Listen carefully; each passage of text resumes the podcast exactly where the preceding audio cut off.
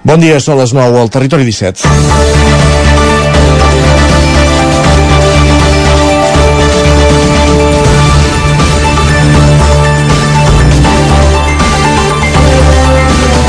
Els que ens vau escoltar ahir recordareu perfectament com en Joan Carles Arredondo, aprofundint en un estudi sobre consum del BBVA, ens explicava que la campanya comercial de Nadal, que arrenca d'aquí un mes amb el Black Friday, no serà tan problemàtica com podíem apuntar mesos enrere a causa de la inflació desbocada.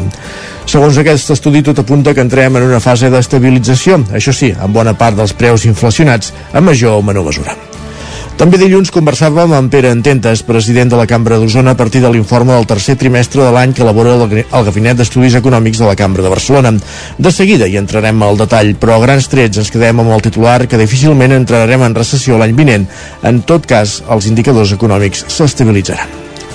De fet, Osona continua registrant xifres rècord tant de llocs de treball com d'ocupació, amb més de 74.000 persones afiliades a la Seguretat Social. La guerra d'Ucraïna, que ha aguditzat una crisi de matèries primeres que la que començava, de la que començàvem a sortir, amb un increment desbocat de preus, sobretot de l'energia, per la dependència en bona part d'Europa del gas rus, ha trasbalsat el 2022. Les hostilitats de Putin sobre Ucraïna continuen i a curt termini es veu complicada una solució per l'energia i aquest serà el gran drama els propers mesos a les llars amb els ingressos més baixos quan baixin les temperatures i és que d'ençà que la crisi del 2008 els indicadors de pobresa són més presents i aquest és un dels focus que a nivell social i humà no podem deixar de banda. És dimecres, 26 d'octubre de 2022. Comença el Territori 17 a la sintonia d'Ona Codinenca, la veu de Sant Joan, Ràdio Cardedeu, Ràdio Vic, el 9 FM i el 9 TV. Territori 17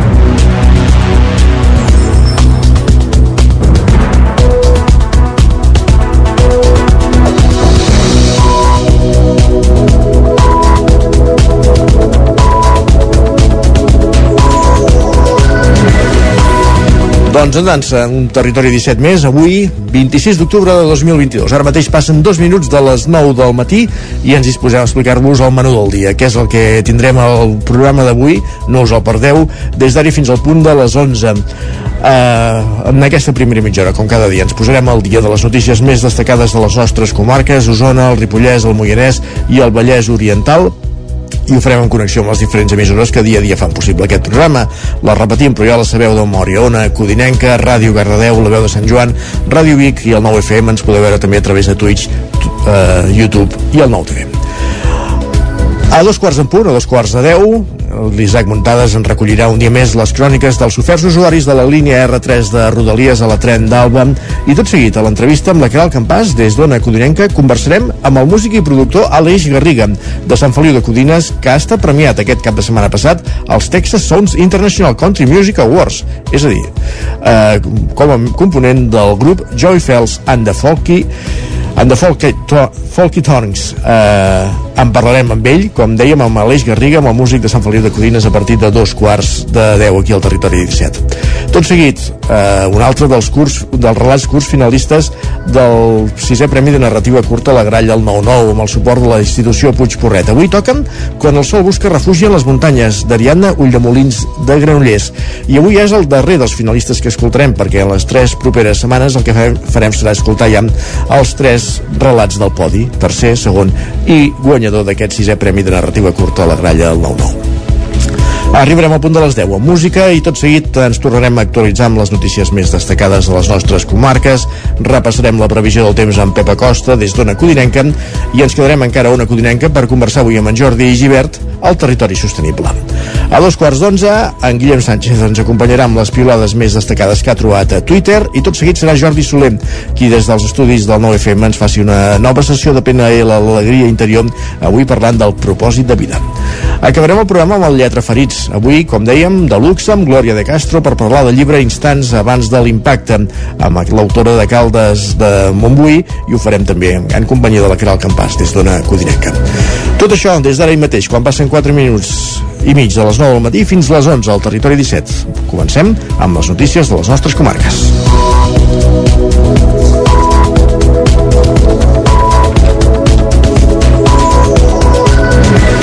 Avançàvem a la portada, l'Osona no entrarà en recessió l'any 2023, sinó que els indicadors econòmics s'estabilitzaran. És una de les conclusions que es deriva de l'informe que ha elaborat el Gabinet d'Estudis Econòmics de la Cambra de Barcelona. Tot i registrar una lleugera desacceleració en el ritme de creixement respecte als trimestres anteriors, el mes passat es va arribar a la xifra més alta en un mes de setembre, tant pel que fa al nombre total de llocs de treball a la comarca com d'afiliats a la Seguretat Social. Més de 74.000. Sergi Vives. És una de les conclusions que es deriva de l'informe que ha elaborat el Gabinet d'Estudis Econòmics de la Cambra de Barcelona. Osona no entrarà en recessió l'any 2023, sinó que els indicadors econòmics s'estabilitzaran. Així ho confirma l'estudi que aquest dilluns es presentava a la seu de la Cambra d'Osona. La comarca tancarà el 2022 amb un creixement del 4,6%, tot i que els indicadors econòmics a Osona han registrat una lleugera desacceleració en el ritme de creixement respecte als trimestres anteriors. El nombre d'empreses a la comarca ha augmentat un 0,8% a finals de setembre de 2022 respecte a un any enrere fins a les 5.340 empreses, una evolució que se situa una mica per sota del que ha registrat el conjunt de Catalunya, que és el 0,9%. Això ho explica Pere Antentes, president de la Cambra d'Osona. El nombre d'empreses que hi ha a la comarca d'Osona ha crescut, ha crescut respecte al segon trimestre, és un creixement eh, vegetatiu, és un creixement petit, un 0,8%, però la gran dada és que estem creixent i pràcticament ja estem en números de prepandèmia. Això és una dada important, per tant, l'efecte pandèmia està superat i per tant el, nivell, el número d'empreses a Osona és un número d'empreses important. Per sectors, respecte a l'any passat, a la construcció i al sector serveis, el teixit empresarial ha crescut un 2,2% i un 1,1% respectivament. El recés, però, s'ha produït a l'agricultura, que respecte a l'any passat ha caigut un 3,2% i a la indústria, que ha disminuït un 0,2%. A l'altra cara de la moneda, el ritme de treball osonenc ha assolit xifres històriques. S'ha registrat la xifra més alta en un mes de setembre pel que fa al nombre total de llocs de treball a la comarca com de persones afiliades a la Seguretat Social, que supera les 74.000. Pere Antentes. Nosaltres disposem dades de llocs de treball des del 2008 i d'afiliats des del 2012. Per tant, les dades són dades històriques des del cronograma de, de, de, de, de dades que tenim, que són 2008 i 2012. Eh, lo que és interanual són dades positives.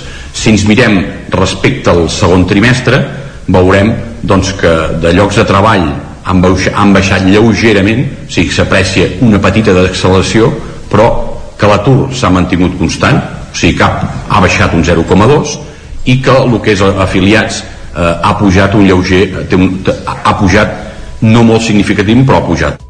Paral·lelament a l'evolució de les dades, el nombre de persones aturades registrades a les oficines de treball de Catalunya ha estat de 7.099 en finalitzar el mes de setembre, la dada més baixa per aquest mes que es registra des del 2007.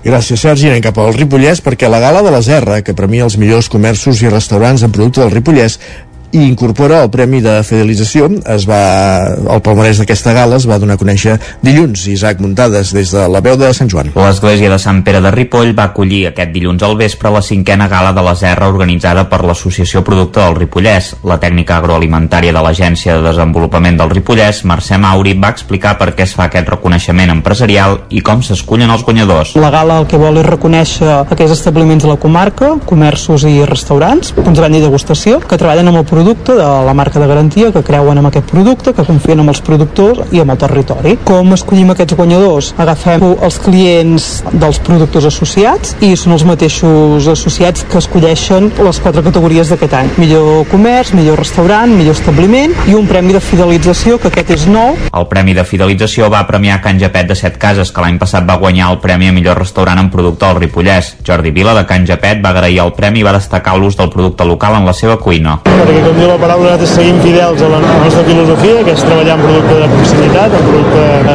elaborat aquí a prop de casa nostra. També doncs, agrair a tots els productors de la feina que estan fent i encoratjar-los a seguir, a seguir lluitant i a seguir oferint-nos aquests bons, bons productes perquè la gent que ens visita de fora de la nostra comarca doncs, o de la comarca mateix doncs, puguin apreciar doncs, tot el bé i el bo que tenim en aquesta comarca. El poltre i la trumfa són dos dels productes que més utilitza Can Japet, tot i que també ofereix làctics de Ribes de Freser o de les Llosses, per tant va més enllà de la vall de Camprodon. El premi al millor comerç va ser per Som Formatgers de Ripoll i el guardó al millor establiment se'l va endur la botiga de Mas al Lledrer de les Llosses. Finalment, el premi al millor restaurant va ser per la Barricona de Ripoll. Roser Fernández, sòcia de la cooperativa, explicava la feina que fan des de fa temps. Som un equip molt gran de 10 persones i fa des del 2009 que portem la Barricona al restaurant. Forma de treballar, l'espai on el tenim, l'entorn, que és una masia espectacular, i també la feina que fem entre tots. No? Som un equip jove, dinàmic, ganes, amb inquietuds, i això fa que, que també durant molts anys doncs, estiguem en actiu, renovant-nos. Al final de l'acte es van poder degustar diferents productes del Ripollès, cortesia de la Food Truck La Tartana, que aposta per producte gastronòmic del Ripollès, la Vall del Gès, Orís i el Bisaure. L'associació Líder, la Diputació de Girona, Custom i l'Agència de Desenvolupament del Ripollès també van col·laborar amb l'organització de l'esdeveniment. Gràcies, Isaac. Més qüestions. El cap de Servei de Neurologia de l'Hospital de la Vall d'Hebron de Barcelona, Xavier Montalbán, fa la ponència de la inauguració del curs de la Facultat de Medicina de la Universitat de Vic. En el transcurs de l'acte es van lliurar 20 premis a l'excel·lència acadèmica i a la pràctica clínica i a la pràctica clínica, Sergi.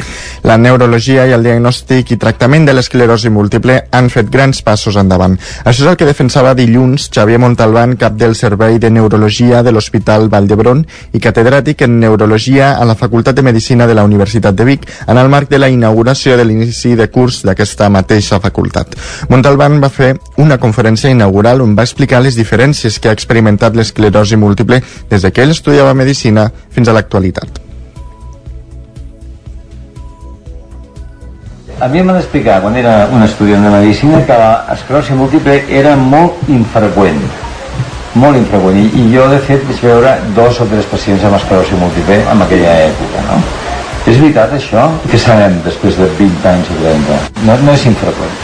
I a més, la prevalença i probablement també la incidència de la malaltia va creixent L'obertura de l'acte acadèmic va anar a càrrec de Josep Arimany, president de la Fundació d'Estudis Superiors en Ciències de la Salut, que va recordar que en finalitzar aquest curs 2022-2023 es graduaran els estudiants de la primera promoció de la Facultat de Medicina. I l'any que ve es graduaran els primers 50 alumnes i per tant ja la doctora Geli i la senyora Anna Riba ja estan preparant l'acte de graduació el rector de la Universitat, Josep Eladibaños, es va referir també als estudiants que finalitzaran els seus estudis aquest curs, mostrant la seva estima pels de la primera promoció i apuntant que són els que hauran patit més entrebancs. Amb tot, durant l'acte també es van fer el lliurament dels premis als estudiants a l'excel·lència acadèmica, que se'n va lliurar un total de 20, dotats en 4.000 euros, i els premis a la pràctica clínica, que se'n van repartir 8, d'un import de gairebé 3.000 euros. A la part final de l'acte es va fer la inauguració de l'exposició del fotoperiodista Marc Sanyer, que porta per nom La pandèmia de Covid-19, imatges que parlen. Aquesta es podrà visitar la primera planta de la Facultat de Medicina de la Universitat de Vic. Gràcies, Sergi. Més qüestions. L'Associació de Comerciants Birca de Vigues i Riells del FAI ha fet un gest solidari amb els refugiats provinents d'Ucraïna al poble i amb les seves famílies acollidores. Caral Campàs, zona Codinenca. Sí, ho ha fet entregant un xec valorat en 200 euros a l'única família sencera que s'ha instal·lat al poble per a que el puguin gastar en els establiments adherits a aquesta associació. La presidenta Montse Olivares explica com ha sorgit la idea de fer aquest gest i com ho valoren totes les parts implicades. Tant la Junta com els nostres associats pues, bueno, ho valoren molt positivament, no? perquè eh, sempre hem hem fet actuacions eh, solidàries dintre de, de les campanyes de Festa Major i, i aquesta vegada pues, vam decidir que, que fos destinat amb, amb els refugiats. Per la seva banda, l'Associació de Comerciants assoleix així la voluntat que ja perseguia amb la campanya El Barret Solidari, que va posar en marxa durant la Festa Major de Vigues i la Festa Major de Riells del Fai. Des de l'entitat han trobat la manera de mantenir l'aportació solidària a través d'aquests xecs regals, creant sinergies amb el comerç local. Més qüestions. Més de 30 anys, l'Associació de Protecció Civil de Cardeu celebra el seu 30è aniversari. Anem fins a Ràdio Televisió Cardeu. Pol Grau, benvingut, bon dia. Els primers passos de protecció civil a Cardeu daten de 1990, però no va ser fins l'any 2001 que van fundar la seva associació. La seva tasca és oferir recolzament als serveis professionals, com els Mossos d'Esquadra o la policia local pels que queden a plena disposició. En un any acumulen 2.000 hores de voluntariat, actuant en 200 serveis com accidents o actes de Cardedeu que impliquen la mobilització de moltes persones. També participen en la redacció i implantació de plans d'emergència i la seva divulgació. Ens explica Enric Molins. Al principi jo estava com a, com a coordinador de Tele Cardedeu amb el pla d'emergència per donar informació a la població i havia fet diversos spots i aquestes coses i a partir d'aquí després et vas ficant cada vegada més mm, a la feina que també treballava amb l'equip de primera intervenció de la feina i al final ja t'hi vas quedant quedant i, i ja està. En els seus més de 30 anys de servei al municipi han viscut moltes situacions i molt diverses, però una de les que recordaran per sempre va ser durant el temporal Glòria.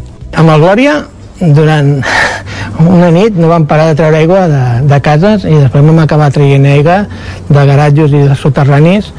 Vam anar a un lloc, a, a un soterrani d'un garatge que eren tres, tres plantes i la planta, les dues plantes de sota doncs allà una piscina olímpica van deixar-li la bomba posada, una bomba elèctrica i al cap de 15 dies encara hi havia aigua Perfils de tota manera seguiran oferint les seves hores per actuar davant de qualsevol emergència i fer més àgils els actes de Cardedeu. Més qüestions. Montesquieu va celebrar diumenge la desena edició de la Fira de la Nou. Al centre del poble s'hi van instal·lar una quarantena de parades amb productes que tenen la Nou com a protagonisme, però també d'altres d'artesania. La fira va comptar amb activitats paral·leles com tallers o la Rossada que va aplegar unes 180 persones. El dia ennuvolat i estones una mica de pluja no va impedir que diumenge es concentressin una quarantena de parades a Montesquieu en la desena edició de la Fira de la Nou. Tot i ser només dos els expositors que portaven nous van ser un dels punts d'atracció de la fira, en què hi havia productes d'artesania alimentària i de tot tipus. Així ho explicava Carles Colomó, regidor de Comerç de l'Ajuntament de Montesquieu. Tots els paradistes intenten portar algun producte de la nou, tot i que els productes de la nou solen ser escassos, també és una fira d'artesania i de tot tipus de productes artesans, eh, que podem trobar des de, des de menjar, artesanals, embotits i, i coses de manualitats i altra joieria. A banda de passejar entre les parades, els visitants també van poder participar en activitats paral·leles, com jocs de fusta, un taller d'estampació de, anomenat Impressionats per la Natura i un altre sobre l'ús de la bicicleta per sensibilitzar sobre el canvi climàtic, que va facilitar la Diputació de Barcelona.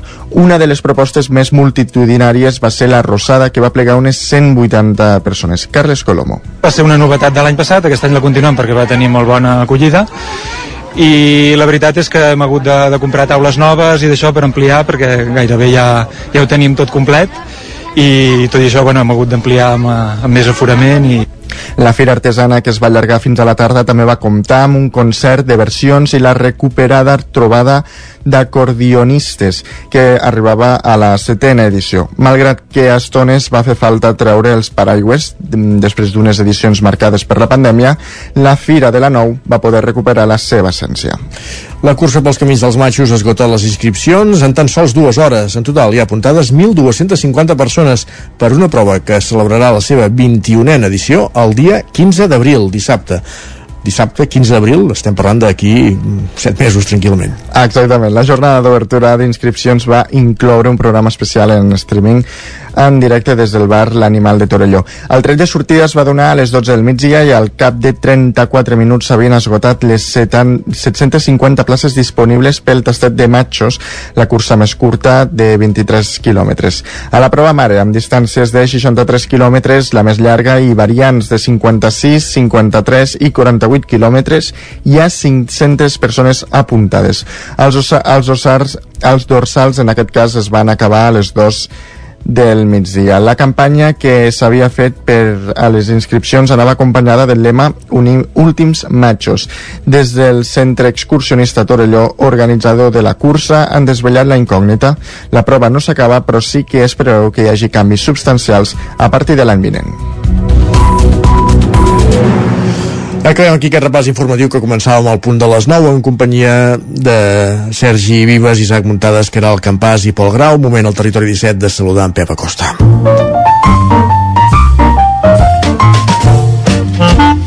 Casa Terradellos us ofereix el temps. Anem a una codinenca. De fet, saludant Pepa Costa, ja sabeu que és sinònim de parlar del temps, de conèixer la previsió per les properes hores. El tenim moix perquè no hi ha canvis, no hi ha... Eh, la situació meteorològica no varia i això ens amoïna tots plegats. Pep, bon dia. Molt bon dia. Comença l'espai del temps, va avançant la setmana, van passant els dies, s'acaba ja el mes d'octubre i no s'acaba aquest temps estiuenc, aquest temps molt plàcid. En definitiva, ja, ja, ja fa molts dies que dic el mateix, ja, ja quasi bé ja no sé ni, ni, ni, ni què dir, eh? Ja, ja sé, que ja no sé, ja, ja tinc arguments de ni, ni què dir ni, ni, ni, ni què fer, ja, ja no sé no sé ja, eh? no sé, la situació és molt, molt, molt preocupant avui novament una nit eh, molt, molt càlida molt més càlida que havia sent normal.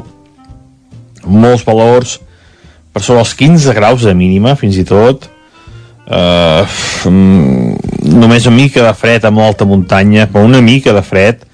En aquestes dates ja hauria d'haver-hi glaçades cap al Montseny, cap al Pirineu, eh, fins i tot cap a, a, a poblacions del Pirineu ja glaçades, i tot el contrari, una, una, una suavitat molt, molt destacable. Continuem també amb aquesta posa en suspensió, que no sé pas quants dies, quants dies aquest, eh, aquest 2020 hem tingut aquesta mala visibilitat, aquesta post sahariana, doncs avui serà també molt protagonista aquesta post sahariana, eh, això farà que la temperatura avui encara pugi més, s'accentua aquest vent del sud. Les temperatures màximes ahir hi ha moltes entre els 24 i 26 graus, avui fins i tot un 28-29, no descarto algun 30 en alguna població de les comarques, fins i tot 30 graus eh, a un eh, 26 d'octubre, una cosa realment extraordinària, doncs s'aproximarà als 30 graus, eh? No, no, no descarto algun 30 graus avui. Vents de sud, no tan destacables com, eh, com ahir, però eh, seran, com ho diria, seran més generals, més, bufarà una mica més intensitat a tot arreu. Ahir van bufar sobretot amb força cap al Pirineu, avui bufarà una mica a tot arreu, eh, aquest vent de sud que porta aquesta pols sahariana, sahariana en suspensió. Algun núvol, eh, mala visibilitat, eh, aquest ambient pesat, aquest ambient carregat, i poca novetat més. Eh, els pròxims 3 o 4 dies seran així, eh? no es veu el, al final, no es veu la llum al final del túnel per enlloc d'aquest temps, eh, realment una cosa extraordinària i que no, no, no, no, no, no, no és optimisme, optimisme per enlloc, eh? continuem amb aquest panorama. I això és tot, eh, disfrutar el dia d'avui i demà ens escoltem que ja anirem explicant què passa al cap de setmana. Moltes gràcies, adeu. Doncs veurem com avança tot plegat. Gràcies, Pep. Després de repassar el temps, anem cap al quiosc. Casa Tarradellas us ha ofert aquest espai. Moment de conèixer què diuen avui els diaris a les seves portades. Sergi, per on comencem? Doncs comencem pel punt avui, que encapçala la portada amb un aval a la via pacífica. Expliquen que el Consell d'Europa sosté que l'independentisme no violent no és delicte, le marquen la llibertat d'expressió i alerta del risc d'empresonar a opositors i destaquen eh, després de quatre edicions digitals que torna al públic a la 080 Barcelona Fashion i de fet doncs, ho il·lustren amb una fotografia de la desfilada d'ahir eh, de la firma Scorpion on es veu part del públic que, per cert, eh, estan tots amb el mòbil gravant a les sis models que desfilaven en aquell moment. Continuo. Continuem el periòdico que destaca que Espanya encapçala el risc de mort per temperatura extrema. A més, el periòdico ha passat doncs, una nit amb un grup de noies que reivindiquen el dret de divertir-se sense passar por i així ho, ho il·lustren a la portada amb una fotografia d'aquestes noies maquillant-se. Mira que és senzill, eh, tot plegat, però... Vaja, no, no, sí, no... El, el, el problema és que... Aquí tampoc veiem la llum al final. Exacte. No? La Vanguardia destaca que la Generalitat executa un terç de les inversions pressupostades i també destaquen que Carles III estrena el seu primer pre Premier. I atenció perquè expliquen que hi ha un avanç esperançador d'un fàrmac que frena la progressió de diferents tipus de càncer. Molt bé. Lara, per, tu? Sí, Lara, per la seva banda, destaca que l'oposició interna força la dimissió de Dalmases. De fet, renuncia com a pre- vicepresident i vocal de la CCMA i creix la pressió perquè deixi l'acte de diputat. I també destaquen que Sunak avisa als britànics que la crisi econòmica és greu i fa un gabinet escorat eh, més a la dreta. I això, doncs, ho il·lustren també amb la mateixa fotografia que hem vist abans de Carles III rebent el nou líder britànic. Molt bé. Anem cap a Madrid. El país destaca que la crisi climàtica colpeja la salut de la població mundial. Diuen que un estudi científic desvella que l'escalfament global empitjora malalties i causa morts. I aquesta notícia la il·lustren amb una fotografia d'una dona de Sevilla comprant castanyes, doncs amb màniga curta. Com no? Un fet extraordinari. L'ABC destaca que el gobierno no veu cost electoral en la rebaixa de la sedició i demana un gest a Esquerra. A més, gairebé tota la portada l'ocupa una fotografia del president alemany dins un búnquer en la seva visita d'ahir a Ucraïna per dir que Putin esquerda la unitat alemanya front a la invasió ja que per cert el 60% dels eh, ciutadans alemanys recolzen negociar amb Rússia i creuen que Ucraïna no hauria d'entrar a la Unió Europea. El Mundo destaca que Sánchez només mobilitza el 20% de la inversió del motor Promesa. A més, també destaquen la història de l'Oliver, un nen espanyol que es trobava a Cancún amb un greu tumor cerebral que no podia ser operat a Mèxic i ahir doncs, va arribar a Barcelona juntament amb la seva mare, ho veiem a la fotografia que ocupa la portada, mm. per anar a l'Hospital Sant Joan de Déu i ser operat. Molt bé. I la Razón assegura que Espanya entrarà en una recessió tècnica a finals d'aquest any i amb una fotografia de Sunak, doncs també el nou primer ministre britànic, saludant el rei Carles III, diuen que el nou líder promet corregir els errors de Tras. Doncs veurem si, com va tot plegat, si dura més que, que l'Istràs. Uh, ràpidament, les portades del 99.cat. Doncs a Osona, i el, a Osona i el Ripollès ens trobem el tsunami d'una addicció. Famílies reivindiquen la necessitat de tenir eines per acompanyar persones addictes a les substàncies. L'alcohol i la cocaïna són les drogues més consumides a Osona. I el Vallès Oriental ràpidament. Doncs ha ajornat el judici per les clàusules abusives en contractes de lloguer en un bloc de Granolles. Perfecte, doncs són els titulars que podem llegir avui a la premsa. Fem una petita pausa i tornem de seguida al Territori 17 amb més continguts. Passem per l'R3 i de seguida cap a l'entrevista. El nou FM, la ràdio de casa, al 92.8. Cobertes serveis funeraris. Els nostres tanatoris estan ubicats en els nuclis urbans més poblats de la comarca d'Osona per oferir un millor servei. Tanatori de Vic, Tanatori de Manlleu, Tanatori de Centelles i Tanatori de Roda de Ter. Sabem que són moments difícils i per això el nostre compromís és atendre-us en tot moment amb un tracte humà, sensible i respectuós. Cobertes serveis funeraris. Telèfon 24 hores 93 883 23 46. Amb Pradell estalvio energia i cuido la meva butxaca i el medi ambient. Posa't en mans a Pradell, són experts en calderes de gas i condensació, estufes de pèl·let, energia solar, terres radiants i geotèrmia. Pradell instal·la calderes de biomassa per a particulars i per a empreses. Si vols estalviar un 50% en consum, contacta amb Pradell i passa't a les energies renovables. Pradell som a l'Avinguda Països Catalans 27 de Vic. Telèfon 93 885 1197. Pradell.cat. Ja tens la teva disfressa de Halloween? A Manli tenim les més terrorífiques. Vine a buscar caretes i tots els complements que et calguin per passar una nit de por. Ens trobareu al carrer de Ramon Soler número 1 de Vic i també a manli.cat. A Manli fem de la festa una bogeria. El nou FM, la ràdio de casa, al 92.8. Bon dia, són les 9 al Territori 17. Demà Miquel Parella. Cada matí i durant dues hores t'acompanyem i et posem al dia de l'actualitat de casa nostra. Potenciant així l'autonomia En aquest cas me la peça el si no... Cursos per feminitzar el pensament masculí.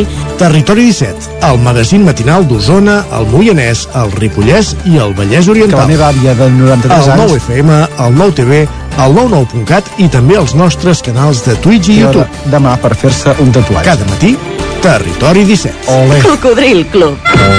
Si t'agrada la bona música dels anys 60, 70 i 80, escolta el 9 FM els matins de dissabtes i diumenges d'11 a 1. És el temps del Cocodril Club, tot un clàssic de la ràdio, amb les bases del pop-rock, les llegendes, les cançons que s'han convertit en autèntics himnes. Recorda, dissabtes i diumenges al matí, d'11 a 1, al 9 FM 92.8. Cocodril Club, el programa revival de l'Albert Malla. Hasta luego, cocodrilo.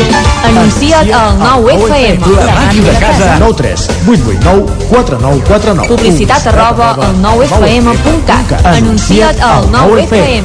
La publicitat més eficaç. El 9 FM, el 9 FM, el 9 FM, el 9 FM, el 9 FM. Territori 17.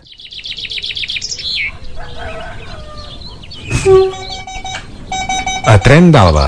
Cada dia els usuaris i usuàries de la línia R3 de Rodalies que veuen sortir el sol des d'un vagó ens expliquen les gràcies i les penes del primer comboi que uneix Ripoll i Barcelona o les feixugues jornades amb el tren després de treballar. Benvinguts a Tren d'Alba. Avui toca l'últim capítol del tenebrós viatge que va viure en Jordi Tabernero per tornar cap a Barcelona al cap de setmana. Ens havíem quedat a Granollers, en què la gent de l'andana va pujar sí o sí al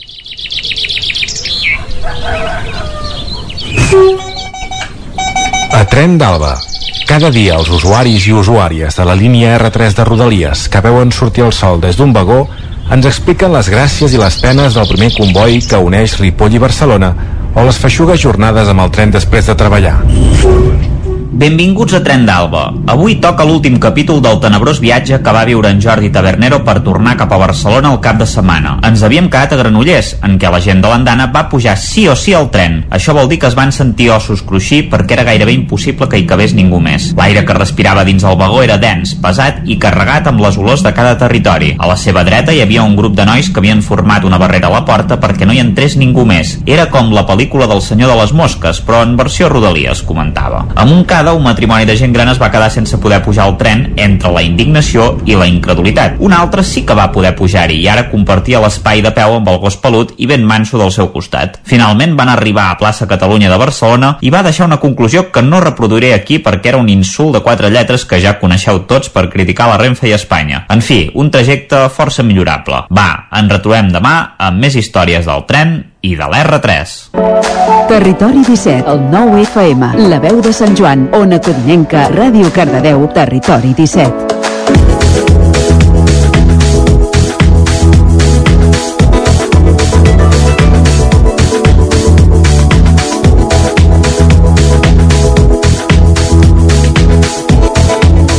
Un premi americà a Sant Feliu de Codines. Aleix Garriga i Josep Ponsà han sigut guardonats com a components del grup Joe Files and the Folky Tongs amb el Premi Cantautor de Texas de l'any 2022. Caral Campàs, zona codinenca.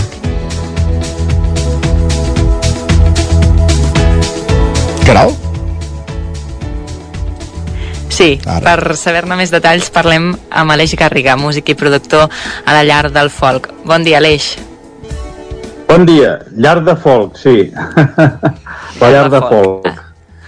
Sí. Abans d'entrar en el tema que ens ocupa, mm. et volíem preguntar, vas venir a viure a Sant Feliu de Codines fa 7 anys, eh, però per què vas decidir muntar sí. aquí el teu estudi? Bàsicament és muntar-lo a casa, eh?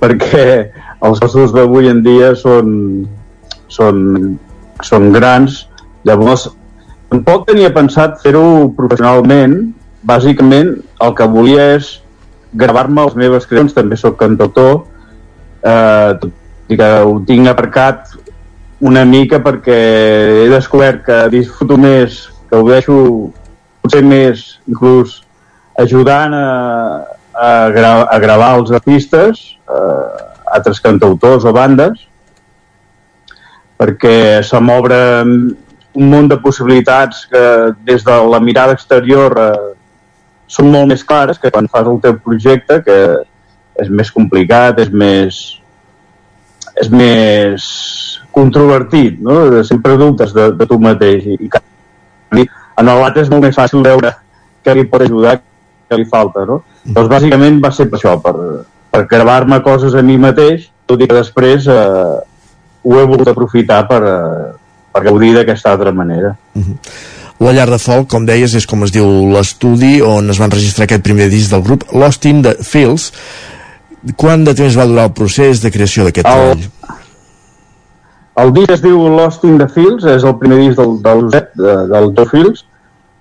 Josep, eh, es diu Josep Ponsacamps, llavors el nom artístic és Joe, de Josep, i Fields de del, del segon cognom matern, no? D'acord. Llavors, eh, el Josep va preguntar tu, tu produeixes, jo no, encara no havia produït massa, només coses meves, per altres no havia, bueno, ho he fet, però va ser un procés llarg que ell eh, molt verd, jo vaig veure que tenia uns, un, un material increïble de, de cançons senzilles que, aquelles que enganxen melodies senzilles i que molt de fer, tot i ser senzilles per, eh, allò que tothom s'ho pot aprendre i tothom pot connectar amb aquella melodia clàssics, com aquell que diu per una persona que feia feia 4 anys que havia començat a tocar la guitarra i a fer cançons, als 40 llargs.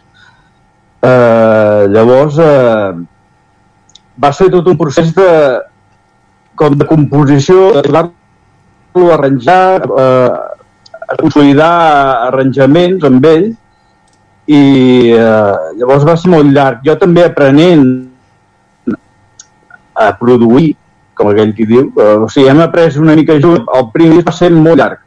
Eh, va ser, bueno, també s'ha conreat una amistat, evidentment, per això hem pogut anar 18 dies als Estats Units eh, a aprofitar per fer turisme, jo no havia estat mai i ha valgut la pena. Per això hem, hem pogut en, entendre'ns exacte. Si no ens haguéssim conegut tant, doncs hagués sigut complicat, no? Eh, estar tants dies a fer quilòmetres amb una persona. Um, ara parlaves una mica de l'amistat. Sí, parlaves de l'amistat amb, amb en Josep, sí. amb aquest nom artístic. Com, mm, com va sorgir la sinergia de treball? Els orígens com van ser? Uh, bé, doncs, uh, el normal que està en un estudi, començar a, a veure com, com plantegem una cançó, no? Doncs, els acords, eh, busquem els tempos, els tempos ideals, els tons, que, intentar ajudar-lo. Eh, ell paral·lelament estava rebent classes de cant, però bàsicament ell és una persona que és intuïtiva i molt intel·ligent. Llavors, la manera de treballar amb ell és eh, que es deixi anar, que es deixi anar i, i dir, i dir el mínim, dir el mínim per, perquè se senti, perquè no s'agobi, no? I eh, la, la manera de, de treballar va ser aquesta i, i ha anat funcionant. Llavors, eh, amb, amb base a una acústica i una, i una veu, doncs jo he anat omplint el que he pogut. Uh -huh. uh, clar, jo, jo sol no, perquè sóc multiinstrumentista, però he necessitat músics externs, clar. I així també ho estem fent amb el segon, que serà molt més ràpid perquè ja tots dos en sabem força, força més i esperem ser una mica més lleugers. I com arriba el, el disc en aquests guardons a, a Texas, diguéssim, no? Perquè eh, entenc que li presenteu, diguéssim, però ell ja, eh, en Jou ja té eh, alguna experiència al mercat americà o, o va ser llançar-se a la No. piscina? No, no, no. de- de- Ell, ell sempre s'ha mogut en el món del country, Uh -huh. inclús eh, antigament em, eh, havia ajudat eh, als esdeveniments de... Tenia, tenia un web que es deia, que existeix, crec, Country Cat, que ajudava a promocionar esdeveniments, ell, ell sempre ha sigut fotògraf, molt bon fotògraf, a més a més, i no sé, eh, ben bé amb, amb aquest món amb, a través de Facebook i coses d'aquestes doncs no, curiosament no s'hi va presentar ell perquè en aquest festival t'hi pots presentar el, el fest fe, uh, és un tan llarg que no me'n recordo el Texas Sounds Festival International Festival bueno, no, no recordo el nom exacte doncs eh, el va nominar, no s'hi va presentar ell D'acord. altres, altra gent sí que s'hi si, si presentava i algun contacte tenia amb el director i, i el, el van nominar. I això encara fa més il·lusió, no? Ell, ell al principi tampoc creia tant en ell i, i li deia, ostres, fas unes cançons increïbles, creu més en tu, no? doncs. Caral, Sí, uh, parlaves precisament de- d'aquests premis, el vau anar a recollir allà a Texas, comentaves que us hi vau passar 18 dies, com va ser l'experiència?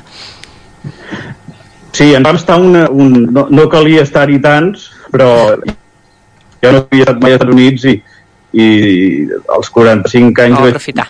Ell, ell, ell vol aprofitar sempre que hi va, perquè ell ja ha anat 5, 5 o 6 vegades, i ell anar més dies. Jo no em feia el pes eh, estar tants dies eh, fora de casa, no, no, és el meu, no és el meu, però reconec que va valdre la pena i que va estar bé eficaç, perquè clar, és un territori tan vast que per fer-te una idea de- d'aquell país tan diferent a, a Europa, doncs està bé estar-hi forces dies i, i el festival al final, que és el, que va ser molt millor que, que, que no pas que hagués estat al principi, que ens haguéssim cansat, no? perquè hi havia compromisos de assistir, assistir a concerts, a, a assajos, etc. què, con- què reconeix aquest premi, el Baladero of the Year? És la balada de l'any, entenc, o, o no ben bé? No, no és ben bé, eh, tot i que sona a, a, a cançó lenta, no? Sí. Eh, és eh, un baladí, eh, tècnicament, va explicar el Josep, que és el que seria un cantautor aquí. Un cantautor. I, eh, la paraula songwriter eh, dels americans eh, o dels lòfons és eh, estrictament només et diu que és un, un, un escriptor de cançons, no? Llavors, eh, baladir seria el que escriu la cançó i a més a més la interpreta. És, una mica també té la connotació aquesta de, de cronista, de cantant clàssic, que explica històries no, no, no senzilles, no? Eh, en el fons un cantautor, es podria dir. Um, uh, ho apuntaves ja que esteu treballant en un segon disc, uh, no sé si ens en pots avançar alguna coseta. Uh, sí, estem, ja tenim empatats uh, tots els temes del segon disc. Um, què puc avançar? Doncs que la sonoritat serà una mica més moderna. bueno, força més. Soc molt retro i potser en el primer disc uh, vaig posar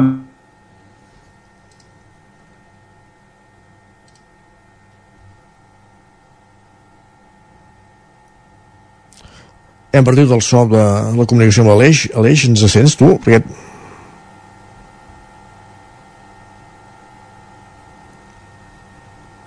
Aleix Garriga, músic afincat a Sant Feliu de Codines, que té aquest estudi on s'ha gravat aquest disc eh, amb aquesta cançó reconegut en un festival a Texas. Estàvem parlant amb, amb l'Aleix Garriga. Eh, ets aquí, Aleix? Veiem que l'imatge diríem que s'ha congelat i no, no el podem arribar a... Ara? Ara, ara sí, perfecte. Ara? Ara, ara. Val. Sí, no sé, ha marxat del microsol, no sé per què. Doncs... No sé què us deia ara. Sí, estàvem comentant el, el nou treball, com serà el, el segon projecte sí. que fareu amb en, amb. Sí, uh, sí, serà un so me- més, més modern. El Josep, sobretot, eh, influït per la, el canvi dels 90, els nous tradicionalistes. Ell té un germà 10 anys més gran que ell, que és músic de tota la vida, i ell sempre li agraeix a, a ell la influència, no? De, ell era petit i el, i el germà al menjador tot el dia practicant, tocant la guitarra, i clar, als 90 que escoltava la música i que s'hi ha, ha posat a fer de cantautor fa poc, ell ha mamat molta, molta música, el Josep. Els pares també tenien discos de, de tots els estils. I, I llavors el que buscarem és el, aquest so més norte, més una mica més modern, que ja és gairebé com sona el country més, més actual. bueno, el country actual, actual, el que a més és, es podria dir que ja és pop, i ha perdut l'essència del que és el country, no? No hi ha estils, però l'estil guitarra, no hi ha violins, i eh, sense abandonar els orígens, doncs un so una mica més atractiu eh, per, eh, per més gent, més, més modernet, més canyero, per entendre'ns.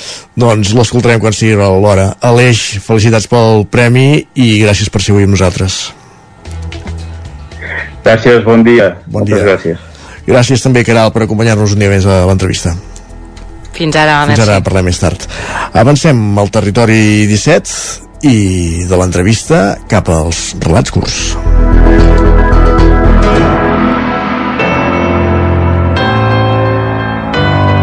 Territori, Territori 17. 17. Territori 17.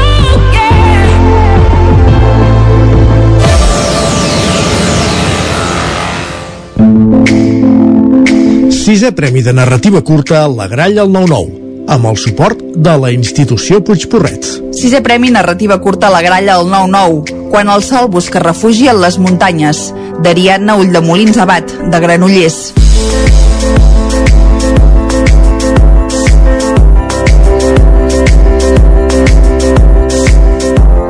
Començant pel dit petit del peu esquerre, el matalàs la deixa tornar a la vida després d'un profund son que no pas reparador.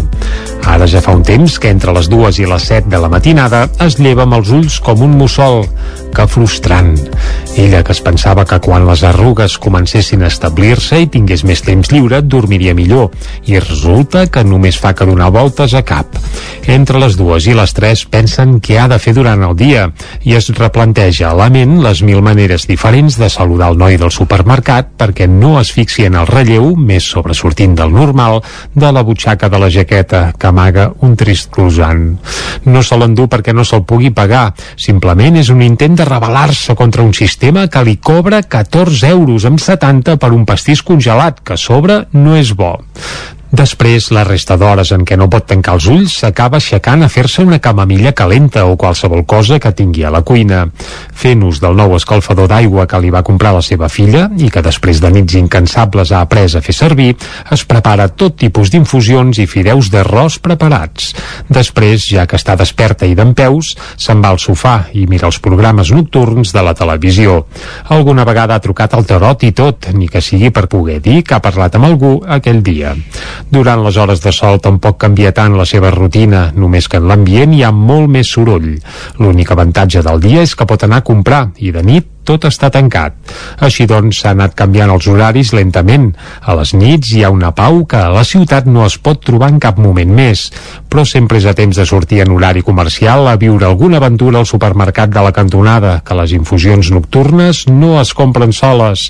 Començant pel dit petit del peu esquerre, doncs, el seu cos es va llevant amb parsimònia, sentint com tot múscul del seu cos, cada vegada més arrugat, s'estira. Dia a dia el mateix ritual reanimant una dansa sobre el llit que comença pels peus i acaba per la punta del nas. La ballada acaba amb ella asseguda a la cantonada del llit, finalitzant el ritual amb un seguit d'exercicis que la metgessa li ha recomanat per tal de millorar la circulació.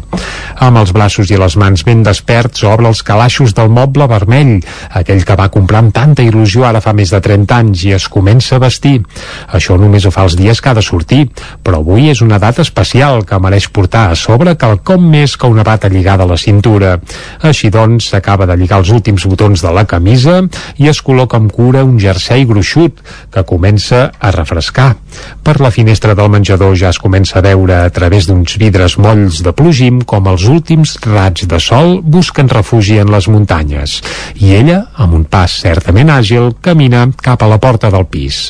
D'entre els parells de sabates perfectament alineats al costat de l'entrada, en tria unes botes impermeables que fan soroll en caminar, però que són molt còmodes.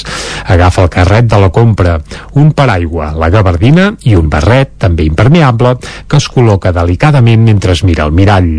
Acte seguit, obre la porta i surt. En els petits vessals del carrer les llums s'emmirallen i tot l'ambient s'omple de color. Els tons vermells i verds dels semàfors es complementen amb els centenars de cartells lluminosos de cada botiga del carrer. Amb les botes adients per un temps com el que fa, camina apressada per la vorera estreta, esquivant els vianants mentre empenya el carretó amb una mà i aguanta el paraigua amb l'altra. En arribar al supermercat de confiança, guarda el paraigua dins el carretó i lliga aquest a les taquilles amb amb la cadena que ofereixen. Paga l'euro, convençuda, tot recordant com una vegada el carret li va desaparèixer amb tot el que hi havia dins, justament perquè no el va lligar. Caminant pels passadissos del supermercat treu un paper arrugat i mig trencat en què hi ha apuntades quatre paraules. Llet, fideus, macarrons, pastís.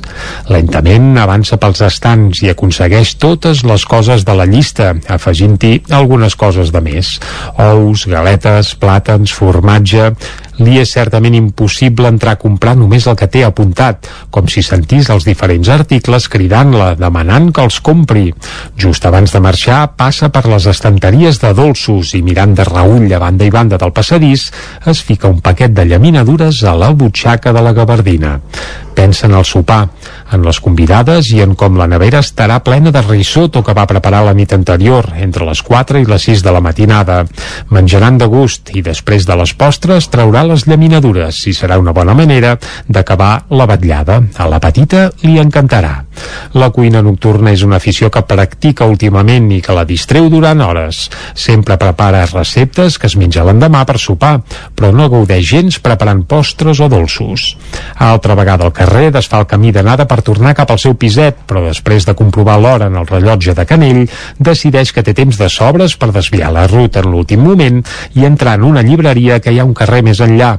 No és una parada poc habitual, és quelcom que també omple la seva rutina reorganitzada d'aficions nocturnes i despertars a mitja tarda. Finalitzada la parada tècnica, amb el carretó ben ple de tota la compra i algun llibre, espera a l'ascensor del seu bloc de pisos neguitosa, pensant en la taula que ha de parar i revisant l'hora del rellotge cada minut. Se li ha fet tard al final. L'ascensor és vell i cada vegada que hi puja s'agafa a les parets en un intent de sentir-se més segura, com si aquest simple acte pogués evitar una possible caiguda. Vivint en un cinquè, no obstant això, es veu obligada a agafar-lo sovint si es vol evitar mal de genolls pujant les escales i més encara si va amb el carret de la compra ple. Un cop al pis, descalça i havent guardat tots els articles dels armaris de la cuina, estén unes estovalles florals sobre la petita taula del menjador. Amb els braços poc carregats va fent viatges des de la cuina amb els plats, els coberts i els gots. Els deixa sobre la taula, sense col·locar encara. Seguidament, amb passos lleugers i ràpids, va a l'habitació per posar-se les sabatilles d'anar per casa, que amb la pressa de preparar-ho tot ha acabat anant descalça i no li va bé per la salut. A ella li agrada molt poc tenir mocs i i, per tant, se'n cuida molt d'anar sempre ben abrigada. Els refredats li porten sempre mal de cap i amb els mals de cap no pot fer res de res, ni de nit ni de dia. Tot seguit seu al sofà a esperar. Amb el cul ben col·locat als coixins i la televisió encesa des de l'última visita nocturna, situa els peus vestits amb uns mitjons gruixuts sobre la tauleta de cafè que està davant del sofà, plena de revistes i alguna tassa de te amb bosses fossilitzades de camamilla. I deixa els llibres que ha comprat avui, obrint un pel final i llegint-ne l'últim paràgraf. És una afició que tothom li recrimina, però que a ella li agrada saber quina és l'última frase dels llibres abans de començar-los. Normalment no li aporten cap mena d'avançament sobre la trama ni la resolució. Simplement li transmeten una sensació final que l'atrapa més o menys i així decideix si val la pena dedicar el temps a llegir-lo. Tot d'una els coixins que abracen també el seu cos comencen a transmetre una vibració d'origen desconegut que fa que salti espantada, acompanyant la vibració insistent una melodia enganxosa que mai recorda que existeix a la seva vida. Deixa el llibre com pot sobre la tauleta i comença a desmuntar el sofà, coixí per coixí, fins que finalment veu l'aparell sortit del mateix infern, aquell que li fan surts cada vegada que la reclama, el maleït telèfon mòbil. Però quan el troba ja ha deixat de sonar. L'agafa amb els números i les icones exageradament grans i se'l mira clocant els ulls amb força. Ja fa anys que es nega a posar-se ulleres perquè mai a la vida n'ha hagut de portar i ara no pensa començar. L'aparell fa la llum que indica que han deixat un missatge de veu i es posa el telèfon a cau d'orella. Hola, com estàs? Avui al final no podrem venir, que la nena m'ha fet febre aquesta tarda i he hagut de sortir abans de la feina i a sobre és la tercera vegada aquest mes. Ho sento, mama, espero que no haguessis preparat res. Al fin et porto al lloc aquell que tant t'agrada. Perdona, ja vaig, carinyo. Bueno, mama, et deixo. Ens veiem al fin de un petó. Amb el telèfon encara a l'orella, somriu tendrament pensant en la neta que ve a dinar un parell de cops al mes. Les llaminadures es posaran malaltes de cara al cap de setmana, així que li haurà d'agafar una altra cosa. Té temps de comprar-li quelcom més gran, alguna joguina fins i tot. Recorda que hi ha un basar una illa més enllà, Demà hi anirà. Avui ja no vol sortir més. S'ha fet tard i ara la mandra s'ha apoderat d'ella. Però demà, demà sortirà a comprar un regalet per la nena. Demà sí. Comprarà un altre pastís, que el d'avui tampoc aguantarà. Un pastís per celebrar el que sigui, que al final no cal que siguin dies especials per a menjar unes bones postres.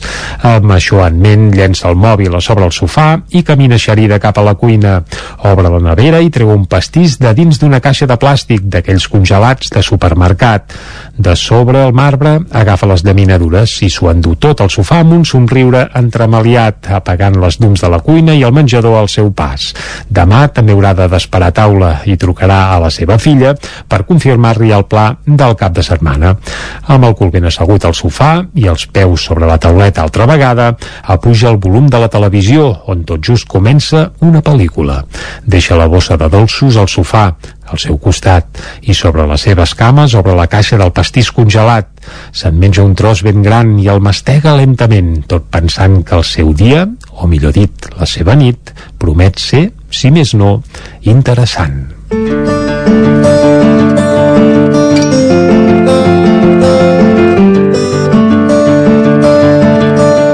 Sisè Premi de Narrativa Curta La Gralla al 9-9, amb el suport de la institució Puigporret. Quan el sol busca refugi en les muntanyes d'Ariadna Ull de Molins Abat, finalista del sisè premi de narrativa curta La Gralla al 9-9, amb les veus de... Jordi Sunyer i Esther Rovira.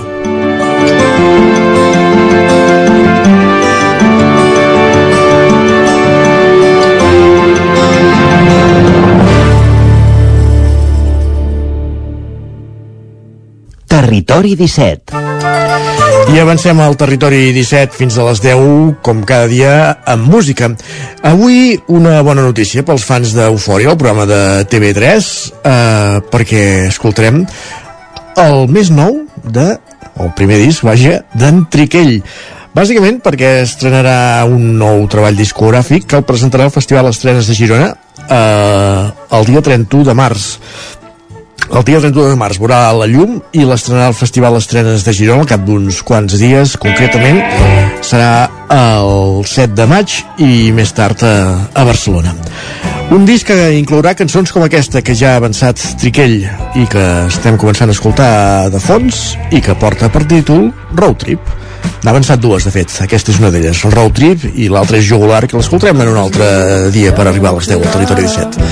Triquell, al Territori 17, fins a les 10. Sovint hipnòtic et pipejo empanat i aquí estic solitari ben acompanyat El meu ego m'incomoda però em fa falta No canvio cap parola per cap altra Per ser jo no necessito ser ningú en tinc prou un volant la carretera i tu.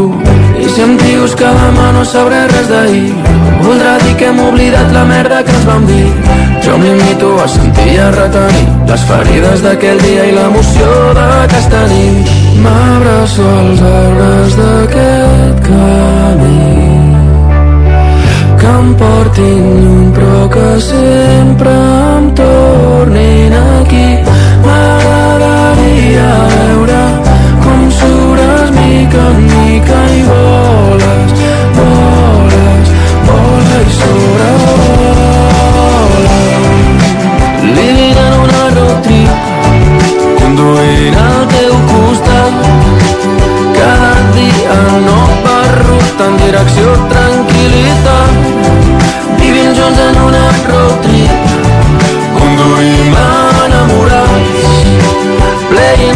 hits a tota hòstia ignorant la gravetat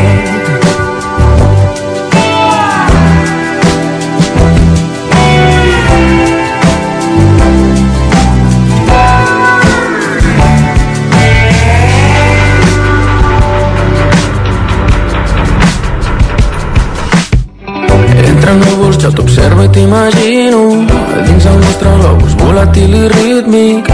Desig amplis que no peti aquí. No espero res de tu però encara menys de mi.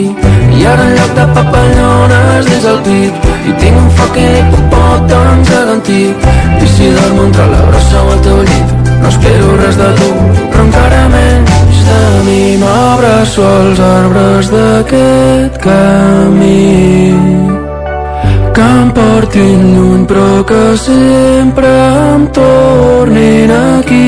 M'agradaria veure com sures mica en mica i voles, voles, vola i sobrevola living en una road trip conduint al teu costat cada dia nova ruta en direcció tranquil·litat vivim junts en una road conduïm enamorats. Playing hits a tota hòstia ignorant la gravetat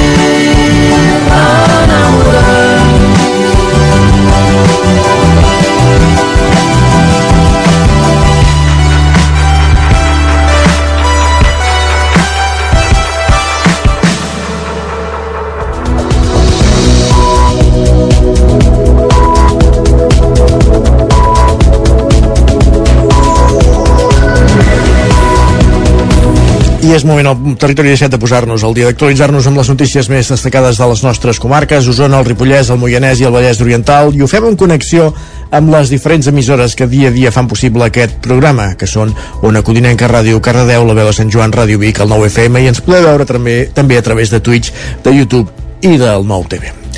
Us expliquem a aquesta hora que l'alcaldessa d'Alpens, Montse Berniol, és la nova delegada del govern a la Catalunya Central. Agafa el relleu en el càrrec d'una altra usonenca, Rosa Vestit, Sergi. Vives. El govern de la Generalitat ha aprovat aquest dimarts els nomenaments dels nous delegats territorials.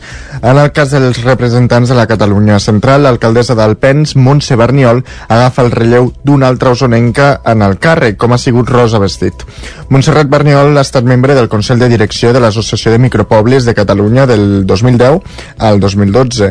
En l'àmbit professional ha estat directora general d'Ecosistemes Forestals i Gestió del Medi dins el Departament d'Agricultura, Ramaderia, Pesca i Alimentació del 2016 al 2019 i coordinadora d'àrees del, des, del desenvolupament local del Consorci per la promoció dels municipis del Lluçanès del 2004 al 2010 i des del 2003 és alcaldessa d'Alpens. Més qüestions. El Museu d'Art Medieval de Vic estrena un espai immersiu. La sala de 100 metres quadrats, la més gran d'aquestes característiques als museus catalans, es posa en marxa amb un muntatge de 10 minuts que recrea la catedral romànica. El nou espai forma part del projecte de digitalització del museu, amb el que l'equipament es vol obrir a nous públics. Som al segle XII. Un jove aparent de pintor que treballa al costat del temple ha d'anar a la catedral de Vic a buscar una eina que s'hi ha, de, que ha descuidat. I així ell i tots els, els espectadors s'endinsen a una recreació virtual a la catedral romànica de la catedral de la capital osonenca, una de les més destacades de l'època a Catalunya. Les parets i els absis estan coberts en frescos i els frontals d'altar tenen colors vius i s'hi veuen peces de l'àmplia col·lecció permanent del Museu Bigatà. El muntatge, titulat Avui fa mil anys i amb una durada de 10 minuts, s'estrena el nou espai immersiu que ha apostat en marxa, que ha posat en marxa el Museu d'Art Medieval de Vic. La sala de, 10 me- de 100 metres quadrats i amb cabuda per a 30 persones es converteix en la més gran dels museus catalans que projecten experiències audiovisuals en 3D. Escoltem a Carme Comas, a Carme Comas, responsable del projecte, i a Esther Comenge, de Burzón and Comenge. inaugurem l'espai amb aquesta producció que es diu Avui fa mil anys però amb l'ambició de que no sigui la única sinó que en un futur puguem seguir eh, l'estratègia comunicativa de generar nous relats entorn de les col·leccions del museu i que aquests relats puguin tenir també la seva vida en aquest espai virtual. i ens va semblar molt bé doncs, fer aquesta no, construir aquesta sala amb aquesta pantalla corba, amb aquesta curvatura que no és elíptica, que és corba, que això els, els tècnics no, m'ho han recalcat molt bé, perquè és important a l'hora de, de col·locar aquests, aquests projectors, que són uns projectors de 7.000 lúmens i que tenen un, unes grans angulars, unes òptiques que són grans angulars, L'estudi Burzón i Comenges s'ha encarregat del disseny de l'espai i l'experiència immersiva que s'ha elaborat amb l'assessorament dels conservadors del museu, Marc Sureda i Judit Verdaguer. L'estrena de la sala immersiva que té el suport de la Generalitat i la Diputació de Barcelona i que ha costat uns 150.000 euros forma part del projecte L'Art Medieval més digital del Museu d'Art eh, Medieval de Vic. Aquesta iniciativa, amb un pressupost total de 530.000 euros, també inclou una nova web i la renovació de la recepció del museu. Oriol Piques, director del museu, explica que a través de la digitalització vol arribar a nous públics. Què fa possible? Doncs que la gent visqui i entengui i li animi a després de veure aquesta producció pujar a sales comparar el que ha vist aquí identificar-ho i al final el que ens interessa més de tots, més de tots al final el nostre objectiu és que aquests diferents públics puguin gaudir de l'experiència amb l'obra d'art, el contacte amb l'obra d'art. Amb la construcció de l'espai immersiu també s'ha remodelat el lapidari, amb l'objectiu de millorar el discurs expositiu de la col·lecció. Més qüestions. La Fiscalia demana fins a 14 anys de presó per un home acusat d'intent d'homicidi li intent d'homicidi amb un ganivet a Canovelles. Pol Grau, Ràdio Televisió, Cardedeu. Els fets que van ocórrer el passat 31 de juliol acusen un home de delicte d'assassinat en grau de temptativa i un altre de robatori amb violència, on demanen 9 anys de presó pel primer delicte i 5 anys pel segon. Segons relata la Fiscalia, l'acusat es va acostar a la víctima, que tenia 22 anys i era al carrer, i li va demanar si li podia posar un combinat d'alcohol. Aquest li va dir que no en tenia i l'home va fer veure que marxava. Immediatament després i de manera imprevisible, l'acusat es va situar darrere de la víctima. Va treure un ganivet de cuina d'almenys 20 centímetres de fulla i amb la intenció d'acabar amb la seva vida va intentar degullar-lo. L'agressió va fer que la víctima caigués a terra sense coneixement, on va aprofitar per robar-li 200 euros en efectiu i el telèfon mòbil. La ferida era superficial, però va necessitar 15 punts de sutura. L'home, que ja havia estat condemnat a dues penes de 6 mesos de presó pels jutjats penals de Granollers i Mataró, dimarts 25 d'octubre serà jutjat a l'Audiència de Barcelona. La Fiscalia demana indemnitzacions de 16.000 euros per les seqüeles, 220 pels diners i el mòbil robats i 455 euros pels dies de baixa. Més qüestions. Els tres grups de l'oposició de Trolló voten en contra de la proposta d'ordenances municipals per l'any que ve.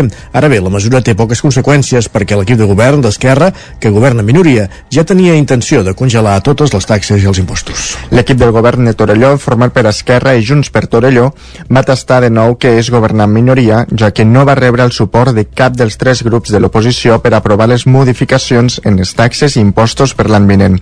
La regidora de Serveis Econòmics, Elisabet Vinyas, va detallar que la intenció era, per quart any consecutiu, congelar totes les ordenances per no augmentar la pressió fiscal als ciutadans i modificar noves, no, només aspectes tècnics.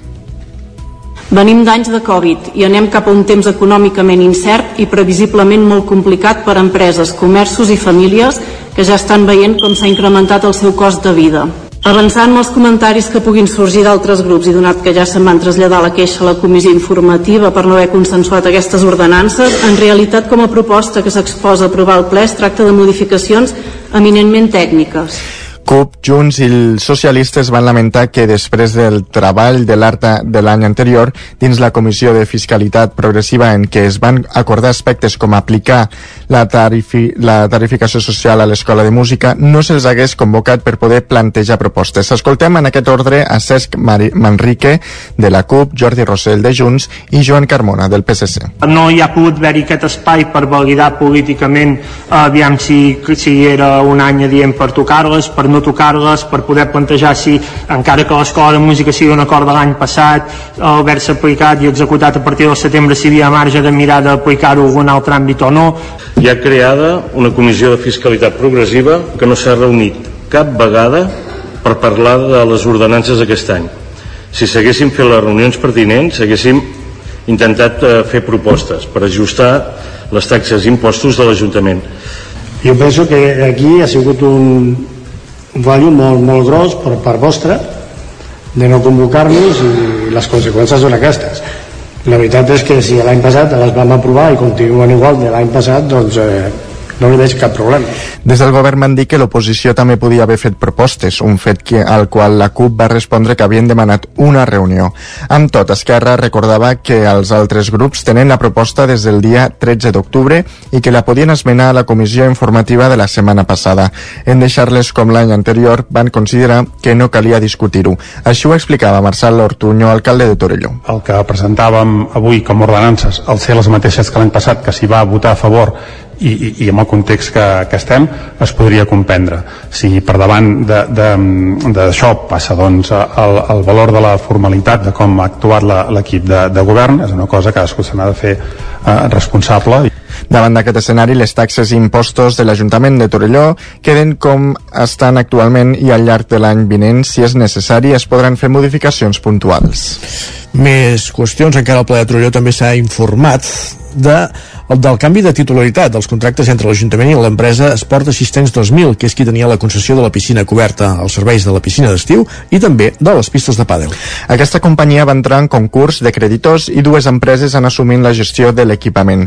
De les piscines se n'encarregarà Born to Be Awesome SL i el dret de superfície de construcció de les pistes eh, es passa a mans de The Essential is Invisible SL. L'alcalde Marcelo Ortuño va explicar que feia anys que s'arrossegaven els problemes de finançament a l'equipament que es va greujar amb, amb la pandèmia. A través d'aquest procés concursal ha anat a parar a mans d'una nova empresa que n'ha fet la, la compra que ha pogut solucionar el problema que patia l'empresa, que és un problema bàsicament financer que, com ja coneixeu, s'arrastrava des de, des de l'origen del, del projecte i d'aquesta manera doncs, donar estabilitat i sobretot continuïtat eh, a l'explotació de la concessió de la piscina municipal. Una empresa que gestionava bé l'explotació de, la, de la concessió però que patia un problema d'infrafinançament des de, des de l'inici. El personal l'ha subrogat la nova empresa i confia que sigui una situació definitiva. Tot i això, des de la CUP van, van manifestar que els generava dubtes. Gràcies, Sergi. Anem cap al Ripollès. Caralps comença a urbanitzar el carrer de Baix per un import de 128.000 euros. Isaac Muntades, la veu de Sant Joan. Aquesta setmana està previst que comencin les obres d'urbanització del carrer de Baix de Caralps, una via força cèntrica del municipi que comunica amb el carrer de l'Església i l'Ajuntament. L'alcaldessa de Caralps, Imma Constants, detalla que el primer tram del carrer ja està empedrat i amb aquesta intervenció, enmarcada en el Pla Únic d'Obres i Serveis de Catalunya, es podrà fer una mica menys de la meitat del carrer. L'actuació s'ha adjudicat per un cost de 128.900 euros en viva i anirà a càrrec d'obres i paviments Bou. El termini d'execució serà d'entre dos i tres mesos i per tant la idea és que pugui estar acabada abans de Nadal, tot i que depenen de la climatologia. Constants apunta que amb l'urbanització també s'adequaran els serveis soterrats com la xarxa d'aigua, el clavegaram i l'enllumenat. A més a més, estan treballant en una futura xarxa de calor veïnal. Hi ha la previsió de posar-hi un tub per executar-ho en un futur. Tot i això, primer calia saber l'interès dels veïns, que va quedar més que acreditat. El 22 de juliol, la mida tècnics de, de l'àrea corresponent de la edificació ens ho van explicar i llavors van explicar què era i van explicar que bueno, l'Ajuntament ens hem adherit dins el, aquests serveis de la Diputació d'aquests estudis i el primer que fan és a dir, és mirar si interès o no, segons els participants i la gent que ha, ha portat la documentació que es demana per poder fer càlculs, llavors ells comencen el procés en el sentit de dir, vale, hi ha interès, amb possibilitats de poder tirar això endavant, i aleshores el que fan ella és un concurs per a trobar empreses que puguin redactar el projecte. Va haver-hi 58 habitatges que van respondre a l'enquesta i van mostrar el seu interès en aquesta xarxa de calor. Paral·lelament a aquesta actuació, a principis de setembre, es va signar el contracte amb Quitelium Italia per un import de 64.000 euros per renovar l'enllumenat exterior del nucli de Caralps a LED, ja que fins ara era d'halogenur metàl·lic. En principi ho han de començar a muntar el mes de desembre i està per Nadal. També es canviaran les llums de la zona de l'estació del Cremallera i de l'entrada de l'aparcament. Gràcies, Isaac. Tornem al Vallès Oriental perquè la programació de teatre familiar de tardor a Sant Feliu de Codines compta amb diverses propostes fins al mes de desembre. Caral Campàs, zona codinenca. Aquesta programació de teatre familiar tindrà lloc al Centre Cívic La Fonteta. La primera representació va ser diumenge passat amb l'obra Laica, que va donar el tret de sortida a aquest circuit teatral. El diumenge, dia 13 de novembre, a dos quarts de set de la tarda, serà el torn de l'il·lusionista Fèlix Brunet, que presentarà el seu espectacle titulat Pota de cabra, on fa diversos trucs de màgia i números d'il·lusionisme. Per rematar, el diumenge 11 de desembre, a dos quarts de set de la tarda, la companyia Festuc Teatre representarà l'obra La Llàntia màgia meravellosa amb marionetes. Les entrades de tots els espectacles s'han de comprar el mateix dia de l'obra, una estona abans a les taquilles del centre cívic, la Fonteta, o bé per internet a través del web entrapolis.com. Gràcies, Caral, i acabem aquí aquest repàs informatiu que començàvem al punt de les 10 en companyia de Caral Campàs, de Sergi Vives, d'Isaac Muntades i de Pol Grau. Moment al territori 17 de conèixer la previsió del temps.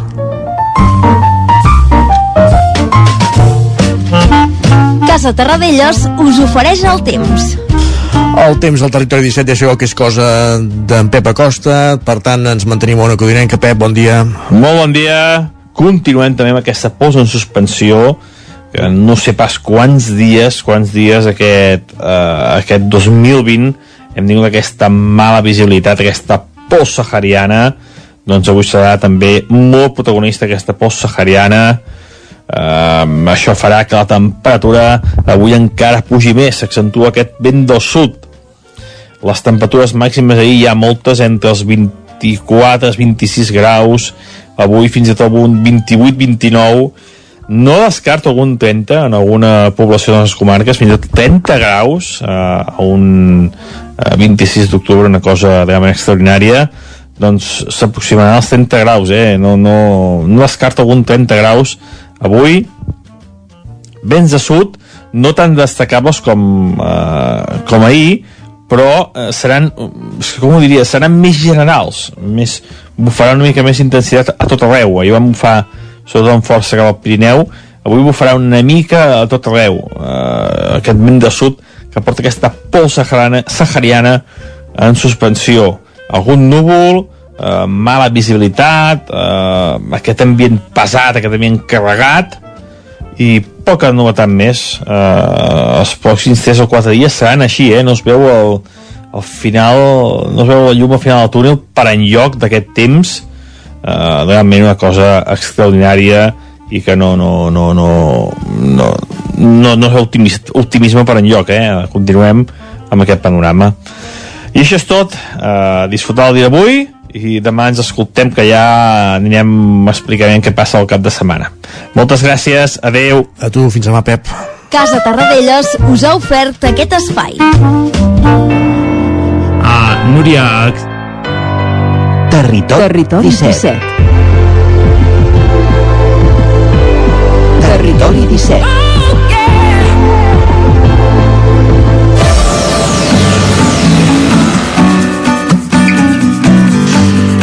Ja coneixeu la sintonia del territori sostenible, ens acompanya cada dimecres a aquesta hora en Jordi Givert des d'una Codinenca i avui per parlar de nous. Jordi, benvingut, bon dia. Avui al Territori Sostenible volem conèixer una nova producció agrícola que, arran d'un projecte familiar, ha nascut al Moianès. Concretament, anirem a veure a Calders una plantació de nogueres. Per fer-ho tenim amb nosaltres a la Núria Bach, a membre de Nous al Soler. Aquest projecte nascut ara fa 8 anys. Hola Núria, bon dia. Hola, bon dia. Uh, Núria, ex explica'ns aquest projecte que és, és familiar. Uh, com us engresqueu a, a plantar uh, nogueres al, al Moianès? Doncs bé, um, aquest projecte, com has dit, és una cosa familiar, de, de, sobretot del meu pare, no? i també compartida amb els germans, i bueno, tot va començar de, per diversos factors, no? però entre ells pues, es troba que nosaltres a casa sempre les nous han format una part important de la nostra vida perquè, per exemple, nosaltres som de Mollà i tot el carrer de casa dels meus avis sempre hi han hagut nogueres, sempre hem collit nous, sempre hem menjat les nostres nous i sempre hem menjat moltes nous, no? I entre això i la voluntat de crear doncs, algun projecte relacionat amb la terra, amb la nostra comarca, doncs, mira, va sortir la idea de, de plantar nogueres i, i bé, de moment doncs ho estem tirant endavant. D'acord. Uh, Nogueres, sou de Mollà, eh, Sí. us instal·leu finalment la producció a, a Calders, oi que sí? Sí, perquè nosaltres, o sigui, tot i que d'origen dels meus avis i això sí que tenim molta relació no? amb la terra, amb masoveria, no, no hem tingut mai eh, terres com a, com a amos, per dir-ho, com a propietaris, llavors en el moment que el meu pare estava buscant terres, no és que busquéssim una masia ni res, però bé, va sortir l'oportunitat aquesta d'aquesta masia amb molta terra al terme de Calders, que encaixava també amb les necessitats que nosaltres teníem, de característiques també d'aigua, de sol, de vent i tot el que buscàvem i, i bueno, doncs va tirar cap aquí la cosa sí que, sí que és veritat que, que mm, si passegem pel Moianès trobem nogueres a, a, a desperdigades però eh, és un bon clima, és una bona terra per eh, fer una producció per, per treure'n un negoci per, uh, per plantar en extensió, diguem-ne què té de bo bueno, a la zona? Aquí al Moianès tenim una cosa que necessiten les nogueres, que és fred a l'hivern no? I, i calor a l'estiu. Vull dir, en aquest tema s'adapta bé. El problema, doncs, com aquí la Catalunya central, per exemple, a diferència de Lleida, no? és que com nosaltres tenim tota la terra agrícola que estem acostumats doncs, a aquest cultiu de secar amb camps ondulats, no? llavors tot aquest sistema per fer un cultiu eh, de regadiu com és el cultiu de les nogueres doncs bueno, és més complicat, no és més complexa eh, que en altres zones del territori on tenen canals, on tenen zones planes.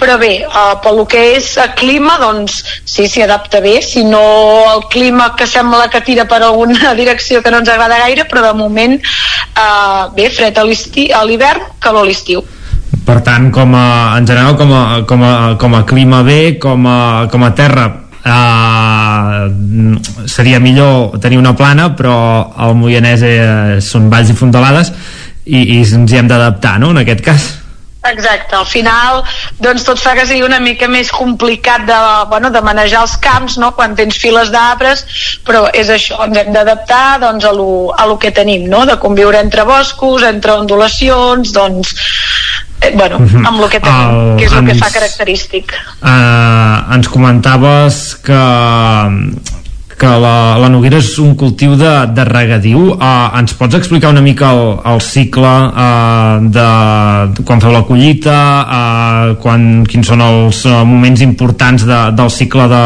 de creixement de la, de les anous, en aquest cas? Sí, doncs bé, nosaltres diguéssim que si ja comencem d'ara, no? que estem a finals d'octubre, doncs tot aquest mes d'octubre és quan escull la nou, no? diguéssim que uh -huh. ja la, les nogueres no reguen tot l'any, ja fa un, un mes i mig que no rega res, i llavors ara després de la collita, diguéssim que entren en els, la seva fase, no? que perden la fulla i diguéssim passen l'hivern completament pelades, que l'hivern és bàsicament quan dediquem a fer tota la poda d'aquestes nogueres, una a una, i després quan comença la primavera doncs també hem de tenir molt en compte doncs, tot el tema que són malalties o, o insectes. Llavors és quan fem els tractaments que el cultiu ecològic que també som ecològics ens permet una cosa molt important també és que fiquem feromones als arbres per lluitar contra la papallona o la carpocapsa, que és una, una papallona que ens malmet bastants fruits, i, uh -huh. i també altres sistemes que permet el cultiu ecològic per lluitar contra bacteriosis i coses que puguin afectar.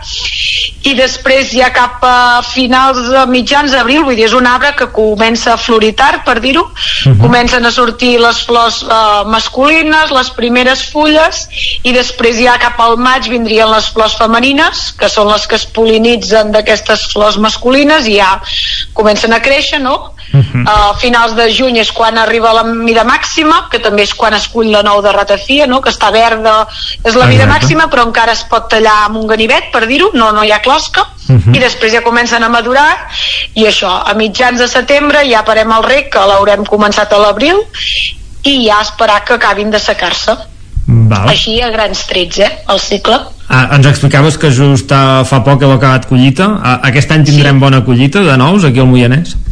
Bueno, um, estem contents per la qualitat, per la mida, el que passa és que com que són uns arbres que encara estan creixent, pensàvem que aquest any tindríem molta més nou que l'any passat i malauradament hem vist que, una, que l'última glaçada que va fer aquest any, que va ser principis d'abril, pensàvem que no ens hauria afectat perquè com a tal l'arbre no, no havia brotat, no veiem flors, no veiem folletes, però, mm, bueno, sí que va afectar, no?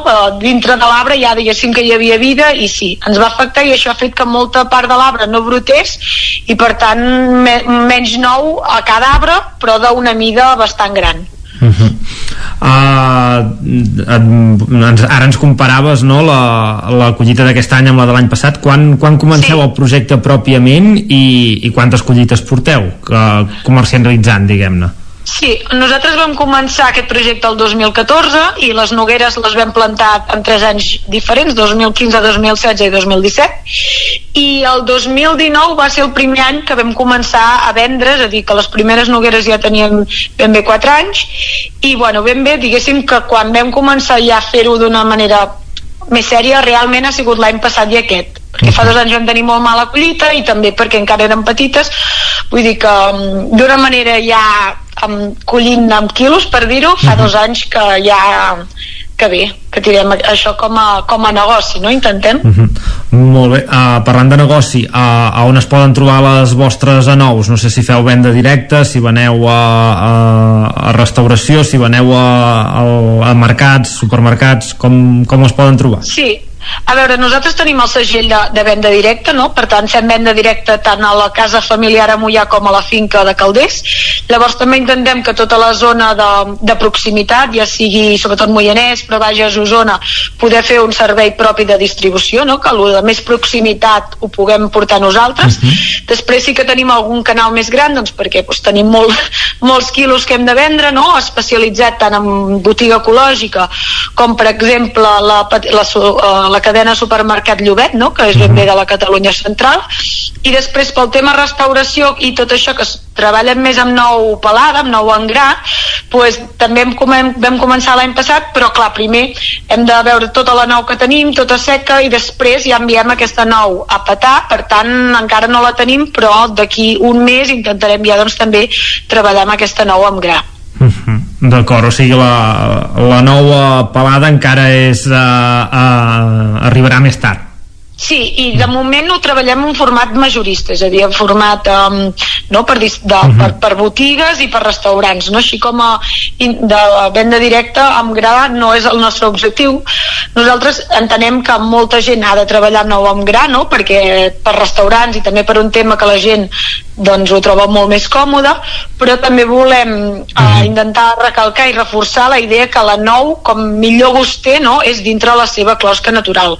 Llavors, doncs, inculcar la idea aquesta de que partir 3 o 4 nous al dia doncs realment no és cap esforç i en canvi estàs guanyant una qualitat de fruit eh, brutal Molt bé, doncs uh, Núria, moltes gràcies per explicar-nos el vostre projecte de Nous al Soler i esperem que vagin creixent les nogueres i que cada cop la collita que hi hagi de nous aquí al Moianès sigui més gran.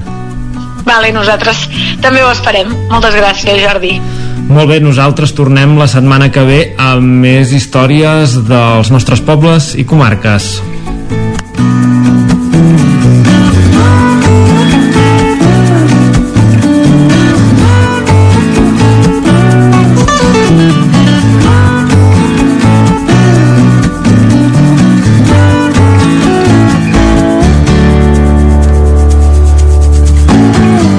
Doncs amb Jordi Givert, el Territori Sostenible, hem conegut aquesta iniciativa de nous, una nova planta, plantació de nogueres per produir nous al Moianès, amb la idea d'arribar, com sentíem, a diversos punts de les comarques centrals, del Bages, d'Osona, com dèiem, des del Moianès.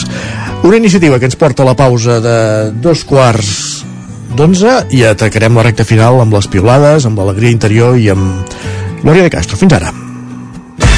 El nou FM, la ràdio de casa, al 92.8. Ja tens la teva disfressa de Halloween? A Manli tenim les més terrorífiques. Vine a buscar caretes i tots els complements que et calguin per passar una nit de por. Ens trobareu al carrer de Ramon Soler número 1 de Vic i també a manli.cat. A Manli fem de la festa una bogeria. A Rialtec som especialistes en instal·lacions fotovoltaiques, aerotèrmia, clima i instal·lacions integrals pel teu habitatge o la teva empresa. Demana el teu pressupost sense cap compromís. Rialtec. Ens trobaràs al carrer Narcís Monturiol 22 de Gurb i al telèfon 93 131 1796. Passema, comercial de maquinària i utillatges amb més de 50 anys al vostre servei. Visiteu la nostra botiga i trobareu productes de gran qualitat. Passema, som al polígon Sot dels Pradals, al carrer Cervera 10 de Vic. Telèfon 93 885 32 51. Als teus fills els agrada la tecnologia? Apunta'ls a Codelern, l'extraescolar de programació i robòtica que els ajudarà a preparar-se per al futur i a ser creadors de tecnologia. Gràcies al mètode Codelern, cada alumne aprèn al seu ritme i pot començar quan vulgui. Us esperem a la Ronda Francesc Camprodon número 45 de Vic. Més informació a codelern.cat.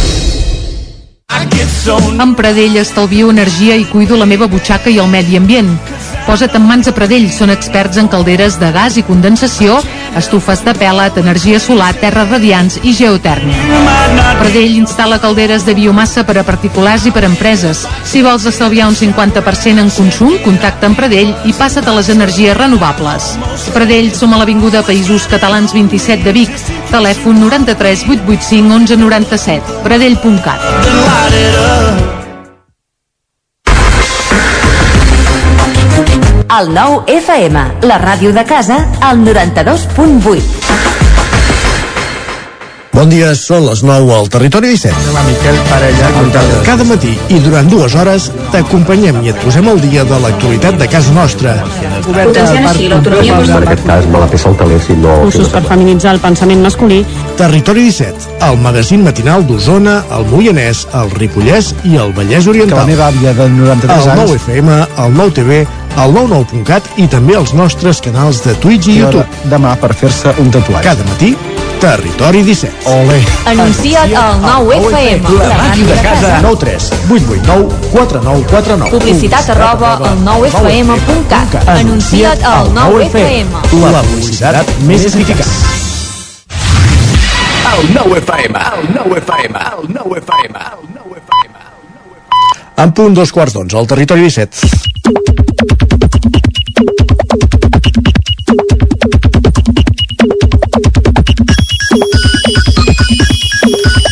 I a dos quarts d'onze, moment d'endinsar-nos a Twitter. Quines pilades hem trobat avui, Natàlia Peix, bon dia. Hola, bon dia. Espero que tothom estigui ja ben despert, però comencem parlant de, bueno, de llits, de son, una mica eh, en aquest àmbit, vaja. Una reflexió de l'Èlia. Potser donant-li una mica la raó a la meva mare quan em deia que fer el llit era important. Quina falsa sensació de control i pau mental dona veure el fet. Carai. Una mica... Que no l'he pres, aquesta lliçó.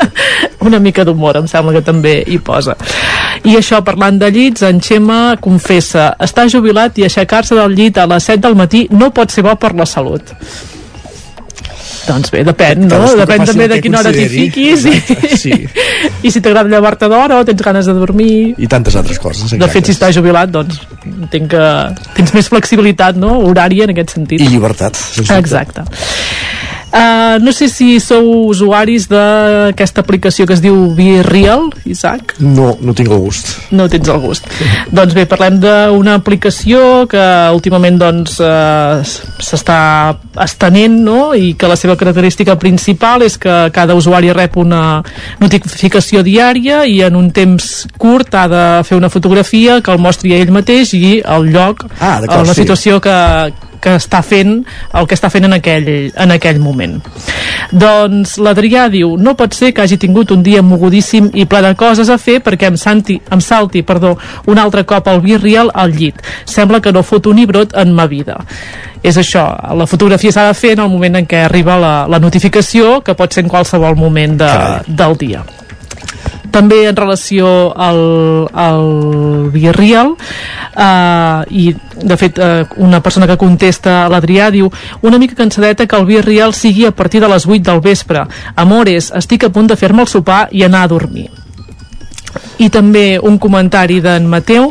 Sap greu veure tanta gent estudiant moltíssim al Villarreal i acabaran tenint feines de merda i mal pagades Hauries de, haurien de poder triar limitació, hora, eh, limitació horària, no? Potser pel que veig. de la franja, sí, sí no? una franja. i encara hi afegim algunes eh, reflexions més eh, algunes piolades més sobre el Villarreal l'Aina diu, igual que els meus pares no entenen això del Villarreal jo no entenc aquesta obsessió que tenen en penjar els estats de Whats Penjar els estats de WhatsApp. El WhatsApp sí, es poden penjar estats Ah, i també hi ha persones que ho fan, segons l'Aina, doncs persones potser més grans. Veig que estic molt desconnectat dels que poden fer les aplicacions, eh? Caram. I eh, finalment l'Eduard eh, ens confessa m'he desinstal·lat Real després de fer dues captures i recordar que l'altra persona veu qui ha fet la captura perquè es veu la persona que fa la fotografia i el que el- està fotografiant Caram. Ahir ja comentàvem eh, que va caure WhatsApp. Sí, eh? i tant. Continuem parlant, per tant, de xarxes socials i, i d'aplicacions. Eh, tothom esperava que tornés per saber si algú s'havia volgut comunicar amb ell a través del sistema. Però també, diguem, hi ha l'altra banda. Eh, una piulada que hem trobat. Sempre al costat de qui tingui un total de zero missatges quan torni al WhatsApp. Uh, van sortir candidats o no? En van sortir alguns o no? D'això no ho hem pogut esbrinar, Entesos. però vaja, deduïm que algú altre pot ser que, que sigui així i no sé si es van sentir bé o malament, però bé, en tot cas. I a través de les xarxes socials com WhatsApp o també Twitter es poden produir interaccions com la següent que ens comenta la Gala. Anècdota del dia. Li he dit friki a una xica per Twitter i m'ha dedicat 13 tuits, 13 tuits cagant-se en mi. Pensava que jo era hater, però m'han superat. Estic tristíssima. Tot per dir friqui, eh? Sí. Mira, que s'arriben a dir coses a, a, a Twitter, eh? coses bastant més greus, Exacte. diguem, Sí, sí. segurament. Uh, un altre comentari visc amb la por que uns activistes ecologistes em llencin un pastís a la cara perquè sóc una obra d'art. Aquí també Carai. hi ha segones lectures eh? I, te- exacte. i terceres. I no necessita avis, aquesta, ha aquest usuari. això, l'autoestima diguem Però- que la sí, té sí. a un bon nivell i va, acabem ja sabeu que avui hi ha jornada de futbol que diguem les opcions del Barça són remotes Les que- les de poder són, continuar a, a la Champions l'Aniol diu avui he, he somiat que l'Inter empatava 2 a 2 amb el Victoria Pilsen i nosaltres guanyàvem el Bayern Per somiar, que no quedi. No he acabat la segona part del tuit. El que passa és que després perdíem 6 a 9 amb el Victoria Pilsen. Però D'això en parlarem de la setmana Per que ve, en tant, tot cas. Sí, exacte. Quasi bé malson, encara més malson del que pot haver-hi avui, que ja és un, Home, un malson anunciat, diguem. Però això és aguantar la tensió fins a l'últim Sí, sí. moment, eh? Mantenir les opcions. Exacte. Gràcies, Natàlia. Vinga, que vagi bé. Adéu-siau. I continuem al territori 17. Ja anem cap a la secció de l'Alegria Interior amb Jordi Soler i avui parlant del propòsit de vida. Territori 17, el 9 FM, la veu de Sant Joan, Ona Codinenca, Ràdio Cardedeu, Territori 17.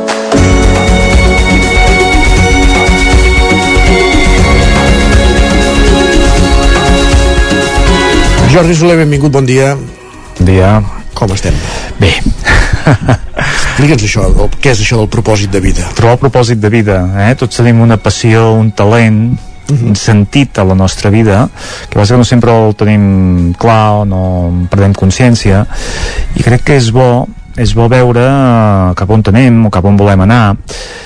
Els japonesos, al Japó, tenen fins i tot una paraula per descriure que és l'ikigai, eh? és la raó d'aixecar-se cada dia al matí, és el que ens dona aquesta energia, aquesta empenta, aquesta guspira, no?, per això, per aixecar-nos al matí i per dur a terme, doncs, aquella cosa que realment eh, ens agrada i ens mou. L'ikigai és més enllà d'una paraula, és eh, una filosofia, és una forma de viure. Doncs aquí s'ha fet fins i tot era un treball, s'han escrit llibres, i, i la veritat és que vam veure que al Japó hi havia una regió, sobretot que la gent vivia molts anys i es van traslladar allà a Ojimi concretament, eh, prop d'Okinawa. I les pràctiques que duien a terme aquells habitants d'aquella regió, d'aquella zona doncs van aclarir una mica doncs, què provocava que arribessin a centenaris. Moltes persones doncs, envellien i envellien bé i això doncs eh, el secret, deien ells no? el secret d'aquesta longevitat és la, és l'ikigai és tenir aquest propòsit però més enllà d'aquest propòsit hi ha tot un seguit de, bueno, de bones pràctiques eh? de, de ser agraïts de somriure coses simples, fàcils, eh? aquest contacte amb la natura no? Vull dir que molts avis d'aquells doncs, tenien el seu hortet, cultivaven les seves verdures, cuinaven amb carinyo, amb consciència, menjar a poc a poc, no menjar mai fins a saciar-se, vull dir, allò de, el 80% que diuen ells, eh? allò quedar-se amb una mica de gana, això és salut, eh? això és allargar la vida, compartir. De De fet, ells en els seus barris una mica dediquen un temps a ajudar a la gent del barri que ho necessiten. I que sí. si hi ha algú que, que passa per un mal moment, doncs dedicar uns recursos, fins i tot uns diners o, un, una aportació de temps a aquestes persones, no? Fer exercici important, però fer-lo amb moderació, dir, no fer exercici d'estrebar, d'esport extrem, no, no, fer exercici respectant el cos, amb consciència.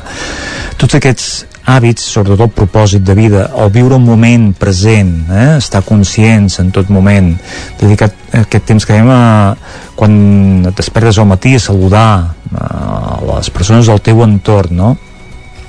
aquesta tasca, aquesta labor, aquesta passió que tu tens, potenciar-la. No? T'agrada la música, t'agrada, eh, no sé, fer de mecànic. Està bé, és que tot està bé. Eh? Un pintor artístic que pot pintar una obra fantàstica, un pintor d'edificis, de, de parets, pot fer una feina molt ben feta, molt conscient, no? que la gent que visquin allà doncs gaudeixin d'aquell treball. Per tant, aquest ikigai, aquesta, aquest propòsit de vida, és bo reconèixer-lo, és bo identificar-lo, és bo tenir-lo. Vull dir que tots tenim quelcom, l'altra cosa és eh, posar-hi consciència.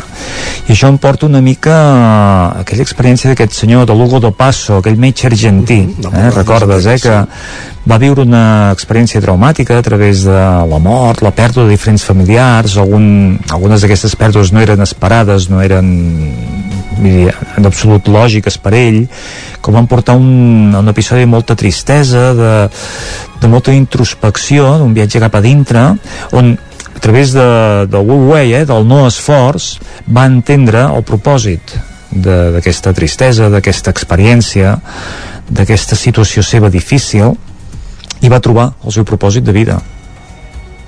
El seu propòsit de vida eh, va esdevenir acompanyar la gent en aquesta fase terminal de la seva vida. O sigui, aquests casos d'aquests pacients terminals que tenien una malaltia irreversible, d'alguna forma, quan se'ls donava el diagnòstic, quedaven una mica com com desatesos, no mèdicament, però sí a nivell doncs, personal, no? a nivell de, de dir, bueno, ja, sí, mort, i, i què, què vol dir la mort? No? Doncs aquesta persona, Lugo do Passo, va entendre que aquí calia, o sigui, hi havia un buit que calia omplir i va dedicar el seu temps, la seva vida, està dedicant, fins i tot a través dels llibres, a difondre, a difondre, a comunicar una mica aquesta forma de, de prendre consciència i d'ajudar, però va muntar un centre per acollir aquestes persones, informar-los, no? acompanyar-los, donar-los la informació que els permetés fer aquest trajecte final de la seva vida en millors condicions, no? Uh -huh.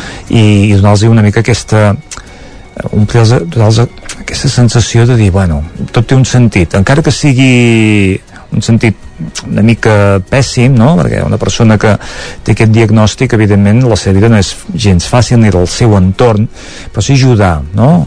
sentir-se acompanyat és una ajuda. És una mica buscar això, un, vull dir perfectament la paraula, un propòsit de vida, però més enllà de, del dia a dia, de les rutines, no? del teu entorn social, del teu entorn laboral, de la família, diguéssim, buscar un propòsit per ajudar els altres, per entendre'ns, seria per, contribu per contribuir a fer un món millor. En, en aquest cas, eh? en aquest cas concret, però això ens ho hem de portar nosaltres, eh? Quin és el nostre por? Perquè un creixement personal acaba sent doncs, un treball personal, vull dir que tots ens hem d'ajudar a nosaltres. Doncs jo, poder ajudar algú, m'estic ajudant a mi doblement. Eh? Quan el Logo do Passo munta aquest centre i es dedica doncs, a ajudar els altres en aquest trajecte final, s'està ajudant a ell. I totes les persones que l'ajuden a ajudar s'estan ajudant elles mateixes. No? Dic que això quan, quan fem una obra així eh, solidària, ens estem ajudant a nosaltres. Això ja ho, ho hem de tenir clar, no? Per tant, el propòsit de vida sempre va enfocat cap a un autoconeixement, cap a una millora del nostre, del nostre vida i cap a una presa de consciència. Clar, aquesta gent del Japó que d'alguna forma han entès això i aconseguien viure més, més anys i viure en millors condicions, doncs passava per tot un seguit de petits gests, de petits canvis a la seva vida, no? I que aquestes lleis que d'alguna forma doncs els connectaven amb la resta ajudaven a la resta ajudaven d'alguna forma que la seva vida fos millor i el sentit, el sentit, el propòsit passa moltes vegades per, bueno, per parar-se, aturar-se fer aquest silenci, prendre aquesta consciència, viure aquest moment present. Quan algú està cuinant, doncs ser conscient de com cuina, del què cuina. Uh -huh. no? Quan algú està fent exercici, saber que allò és salut, però que cal posar una mica la, la, la, la pròpia persona davant de l'ego. L'ego a vegades ens diu, va, vinga, arribaré allà dalt i arribaré en tant temps, no? La gent que practica ciclista, mira, avui he fet 100 quilòmetres. Val, molt bé, has fet 5... No, mai havia fet 100 quilòmetres, avui he fet 100 quilòmetres, m'he superat, no? Això també ajuda el mateix per això, eh? Sí, però has de respectar el teu cos vull dir que descuidem aquesta part no? llavors, si posem l'ego per davant de la, del propi cos aquí eh, estem errant vull dir, potser sí hem aconseguit un objectiu ens hem de superar, això està molt bé però sempre eh, respectant el cos no? Dir que si aconseguir fer aquesta fita ens desgasta i ens genera unes lesions futures quan som grans, la cadera, el genoll eh, caram, és que potser he estat eh, demanant més del que podia fer i això no és bo vull dir que saber posar l'ego en el seu lloc sí que ens hem de superar, sí que hem de millorar però sobretot ens hem de respectar doncs aquesta longevitat que tenen aquests senyors de, de la zona aquesta d'Ojimi ens està dient, eh, observa, no? intenta imitar els hàbits que puguis d'ells, no? i fes aquest acte de, de, de gratitud també cap a, cap a tot, no? no cap a les persones només, sinó cap a, cap a, cap als aliments que ingereixes, cap al sol que, que t'escalfa aquell dia, no? aquesta presa de consciència una mica és el que ens ajuda a trobar aquest motiu per al qual ens aixequem cada dia al matí. Eh? Doncs el propòsit de vida que hem de buscar cadascú, avui ens l'ha ben explicat en Jordi Soler, gràcies una setmana més. A vosaltres. I tornem d'aquí 15 dies. I tant. Avancem al territori 17, deixem enrere l'alegria interior i tot seguit parlem de literatura, parlem de llibres, anem cap al Lletra Ferits.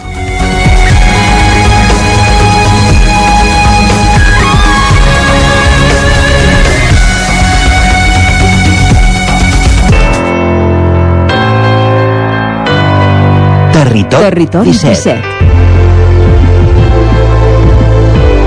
Territori 17.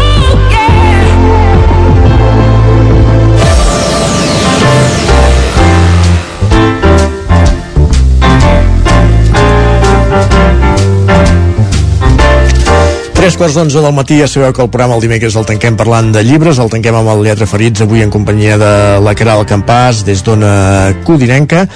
Aquí ja saludem, Caral, benvinguda, bon dia de nou. Hola, bon dia. Bon dia. L'instant abans de l'impacte d'Edicions Periscopi és una novel·la de la que darrerament hem sentit a parlar molts mitjans de comunicació. Aquest fenomen literari, de la tinta de Glòria de Castro, va rebre el Premi Llibreter 2022 i ha estat un dels llibres més venuts en ficció a Catalunya. Caral, Sí, parlem precisament amb l'autora, que és de Caldes de Montbui, Glòria de Castro, que és mestra i escriptora. Bon dia, Glòria, gràcies per atendre'ns. Hola, bon dia, què tal? Uh, L'instant abans de l'impacte ha tingut un èxit aclaparador. Uh, no sé si t'ho esperaves i si ja havies publicat algun llibre abans d'aquest. No, la veritat és que és el meu primer llibre publicat i uh -huh. per res m'esperava l'èxit. A més a més és que portava molt de temps intentant publicar-lo, 5 anys per ser més concret, i semblava que el moment no arribaria mai, vull dir que ja me conformava amb molt poc, uh -huh. simplement en veure'l amb, amb algun prestatge d'alguna llibreria i, i la resta que ha vingut doncs, doncs m'ha semblat com, com això, com un premi a la constància, no? més que res. A més, perquè el, el Premi Llibreter sempre és aquell premi que valoreu molt els, els escriptors perquè és allò que és un premi que està fet sense la indústria editorial darrere, que és una iniciativa que surt dels mateixes, del mateix món llibreter i que, que realment mm, té, té un valor afegit, no, no aquest guardó. Sí, clar, perquè no hi ha cap interès a darrere realment. És com un premi que sempre m'ha semblat molt honest i, i molt sincer i sempre m'he llegit tots els premis llibreters que han sortit publicats. Uh -huh. el, el llibre mm, concretament parla de la situació de buit laboral que li fan a la protagonista arran de la seva maternitat, oi? Uh -huh, sí. I, um, es... sí, realment va ser com un, un detonant que va partir d'un fet real i és que a l'empresa on treballava jo, que era redactora publicitària, s'esperava de tu que treballessis un munt d'hores al dia i que realment reduir-se la jornada laboral era com un atemptat no? empresarial contra, contra ells. Mm. i després la mesura que prenien en general era doncs treure't qualsevol tipus de feina de responsabilitat, per la qual cosa tenies un munt d'hores cada matí sense fer res i durant aquestes hores sense fer res són les que jo vaig aprofitar doncs, per escriure, per escriure aquesta, aquesta història. Llavors, clar, està basada en un sentiment real d'aquell moment. Tu vas viure en primera persona, però de fet és un, un debat que està que és candent, que és molt actual, que, que passa a molts llocs, malauradament. malauradament. Sí, la veritat és que està basat no només en la meva història, sinó en un munt d'històries de dones que he anat veient al llarg de la meva vida laboral i que a més a més són històries que no, han, no han sortit a la llum, no s'han anunciat, també per por, no? per por de les represàlies empresarials i que s'han portat com molt en silenci. Llavors, per mi era necessari treure a la llum i posar-hi paraules a aquesta situació. Uh -huh també uh, és una crítica a la societat de consum. Uh, no sé si pots explicar què decideix la protagonista en aquest sentit. La protagonista decideix fer un acte de rebel·lió perquè ja que ella treballa per la indústria de la publicitat, doncs es dedicarà a no comprar res d'aquesta indústria del consum i així comença cada entrada del llibre amb un no ben clar sobre algun producte o servei que deixarà de fer d'utilitzar la seva vida. Uh -huh. Hi ha també un fet que sobrevola a l'entorn del llibre conforme vas avançant, que és l'onada dels suïcidis de treballadors de France Telecom eh, que van succeir ara fa, fa uns 10 anys, diguéssim. Com, com incorpores aquest, eh, aquest altre relat, diguéssim, no, a la, a la història? Bé, aquest, a mi sempre m'han fascinat, així com temàticament, la idea dels suïcidis, no? I, i, i aquesta notícia la vaig llegir en un diari francès fa temps, però la veritat és que no, no se'n va saber gaire més. Realment havia de fer com molta arqueologia periodística per saber com s'havien mort, eh, què havien utilitzat per suïcidar-se, com eren aquestes persones, qui eren. I realment rascant, rascant, doncs vaig fer la informació com molt esgarrifosa i dic, ostres, i realment estic treballant per la filial d'aquesta companyia. O sigui que en alguna cosa sistèmica no, en aquesta empresa eh, en la forma de tractar els seus treballadors, encara que a Espanya no arribem al nivell del suïcidi, però sí que ha com algo intern no? de maltractament als empleats. I per això vaig voler utilitzar en aquesta història, no? per fer encara més dramàtica la situació de la protagonista, però també per treure a la llum tot aquest maltractament empresarial que es fa als treballadors i a, a col·lisió d'això que, que comentes et volíem demanar també una pregunta clàssica sobre el nom del llibre l'instant abans de l'impacte entenc que està relacionat estretament amb això que comentes Sí, amb el moment aquest que explica, no? Tota la gent abans de tenir un accident de cotxe que diu, ostres, anava a, a xocar i durant aquells segons em va passar la vida per davant. I una mica el que vull fer en aquest llibre no? és aquest recorregut que fan una mica els suïcides des de que es llancen del balcó fins que s'estavellen contra el terra, si realment també durant aquella caiguda els estarà passant la vida per davant, no? i si hi haurà algun moment de, de lucidesa, de veritat o de penediment en la seva acció.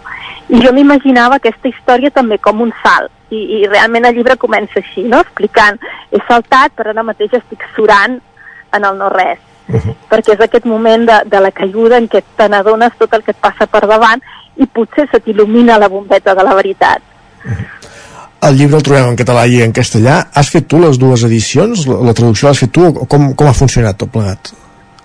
això, això ha sigut un, un, un mal de cap perquè sí, a veure la, les dues edicions les he fet jo les he fet la traducció al castellà però no era tant una traducció sinó que era un procés simultani eh, el català, bueno, tot el que era material en brut ho vaig escriure en castellà perquè ho estava escrivint a la feina a Madrid, però després quan em vaig asseure, vaig arribar a Mallorca, vaig dir, ja he pogut posar distància amb tot el que em va passar, vaig recuperar tot aquell vòmit que havia escrit i vaig dir, ostres, aquí hi ha, hi ha una història potent a darrere em faré, em faré una novel·la, perquè clar, una cosa és tots els apunts aquests que vas vessant a damunt de la pàgina i l'altra és donar-li un fil, una estructura. Jo aquí ho vaig fer en català. Vaig intentar publicar-la en català i no, no vaig trobar cap porta oberta. La vaig escriure en castellà per presentar-me a concursos literaris en castellà, però quan la passava al castellà, la història, vulguis que no, es transformava. I després la tornava a passar al català i tornava a transformar-la i va ser com un mal de cap espantós. Però bé, també em va, em va obrir més portes perquè en castellà em va donar la possibilitat de quedar finalista al Premi Clarín, uh -huh. i en català finalista del Premi Sant Joan de Lletres Catalanes i del Premi Pollença, que va ser el que em va catapultar cap a Periscopi, i es va poder eh, publicar les dues llengües alhora en el mateix temps. Així que va ser una sort. Realment tota una experiència, sí, sí. Caral, comentaves això que vas començar a escriure, no?, el que seria el germen de- d'aquesta novel·la a, a Madrid, a les oficines de l'empresa on treballaves. No sé si després has rebut alguna ingerència per part dels teus antics eh, caps respecte a la novel·la. Doncs és que va passar una cosa molt curiosa, perquè l'escriptura d'aquesta novel·la va ser molt catàrtica, i quan vaig acabar la novel·la va venir el client aquest de telefonia francès i va dir que deixava la companyia de publicitat i ens van fer fora tots. O sigui, realment l'empresa en si, tots que treballàvem allà, doncs es va dissoldre i cada persona va anar a treballar doncs, en un lloc diferent. No? Sí que vaig tenir com un contacte d'una de la que havia estat les meves jefes, que en el llibre són ells, no? aquests caps, i em va comentar, has tret una novel·la, ostres, quina il·lusió em farà llegir-la, i jo pensant, millor que no, però realment mai em va contestar Vale. i, i, no, i, i no he tingut cap més contacte d'algú que hagi estat en aquella feina mentre ho estava escrivint i que l'hagi llegit després.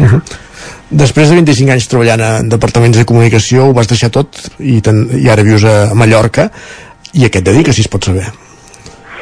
Doncs treballo portant la gestió i administració d'una fundació dedicada a la pedagogia holística, que és una escola. També dono classes de ioga, tinc gallines, i el meu marit té un restaurant, una vegada hi faig el pa de massa mare, i, i els pocs ratos que em queden lliures doncs escric. Una vida més tranquil·la. Però sí, no té res a veure amb la feina que... Bé, amb el tipus de vida que duia abans, de veritat. També et volíem demanar si tens algun altre projecte literari sobre la taula. Ara has comentat que escrius, no sé si ens pots avançar alguna cosa en aquest sentit. Sempre estic escrivint, però fins que té, té la forma, doncs Mm. no, no puc dir és un llibre. Però sí, sempre, sempre tinc llibretes obertes amb anotacions.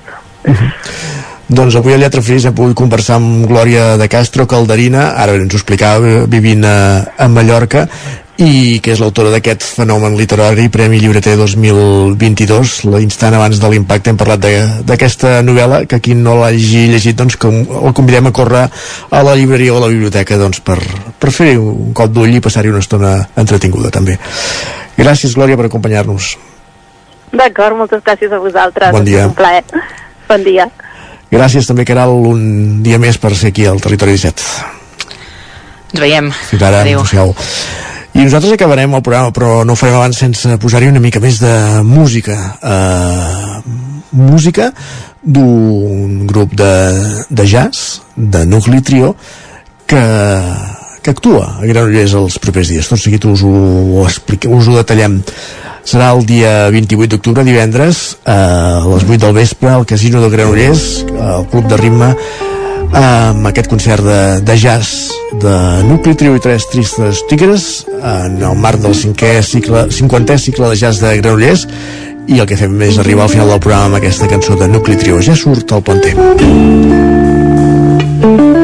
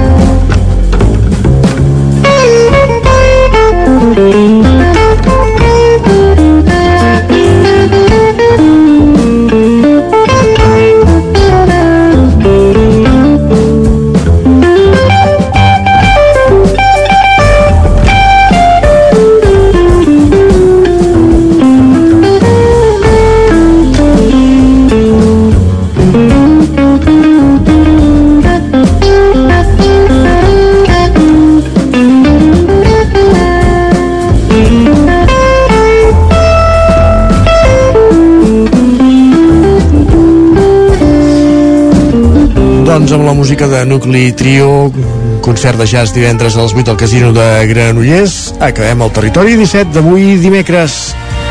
És 26 d'octubre de l'any 2022, falta un minut i mig perquè siguin les 11 i anem per acabar. Us hem acompanyat des de les 9 del matí, Pepa Costa, Jordi Sunyer, Pol Grau, Isaac Muntades, Jordi Givert, Natàlia Peix, Jordi Soler, Caral Campàs, Sergi Vives i Isaac Moreno. I tornarem demà a la mateixa hora, a partir de les 9 del matí serem aquí, fent-vos companyia al Territori 17. Fins aleshores, que acabeu de passar molt bon dimecres i gràcies per ser-hi, adeu-siau. Territori 17 un magazín del nou FM. La veu de Sant Joan, Ona Codinenca i Ràdio Cardedeu amb el suport de la xarxa.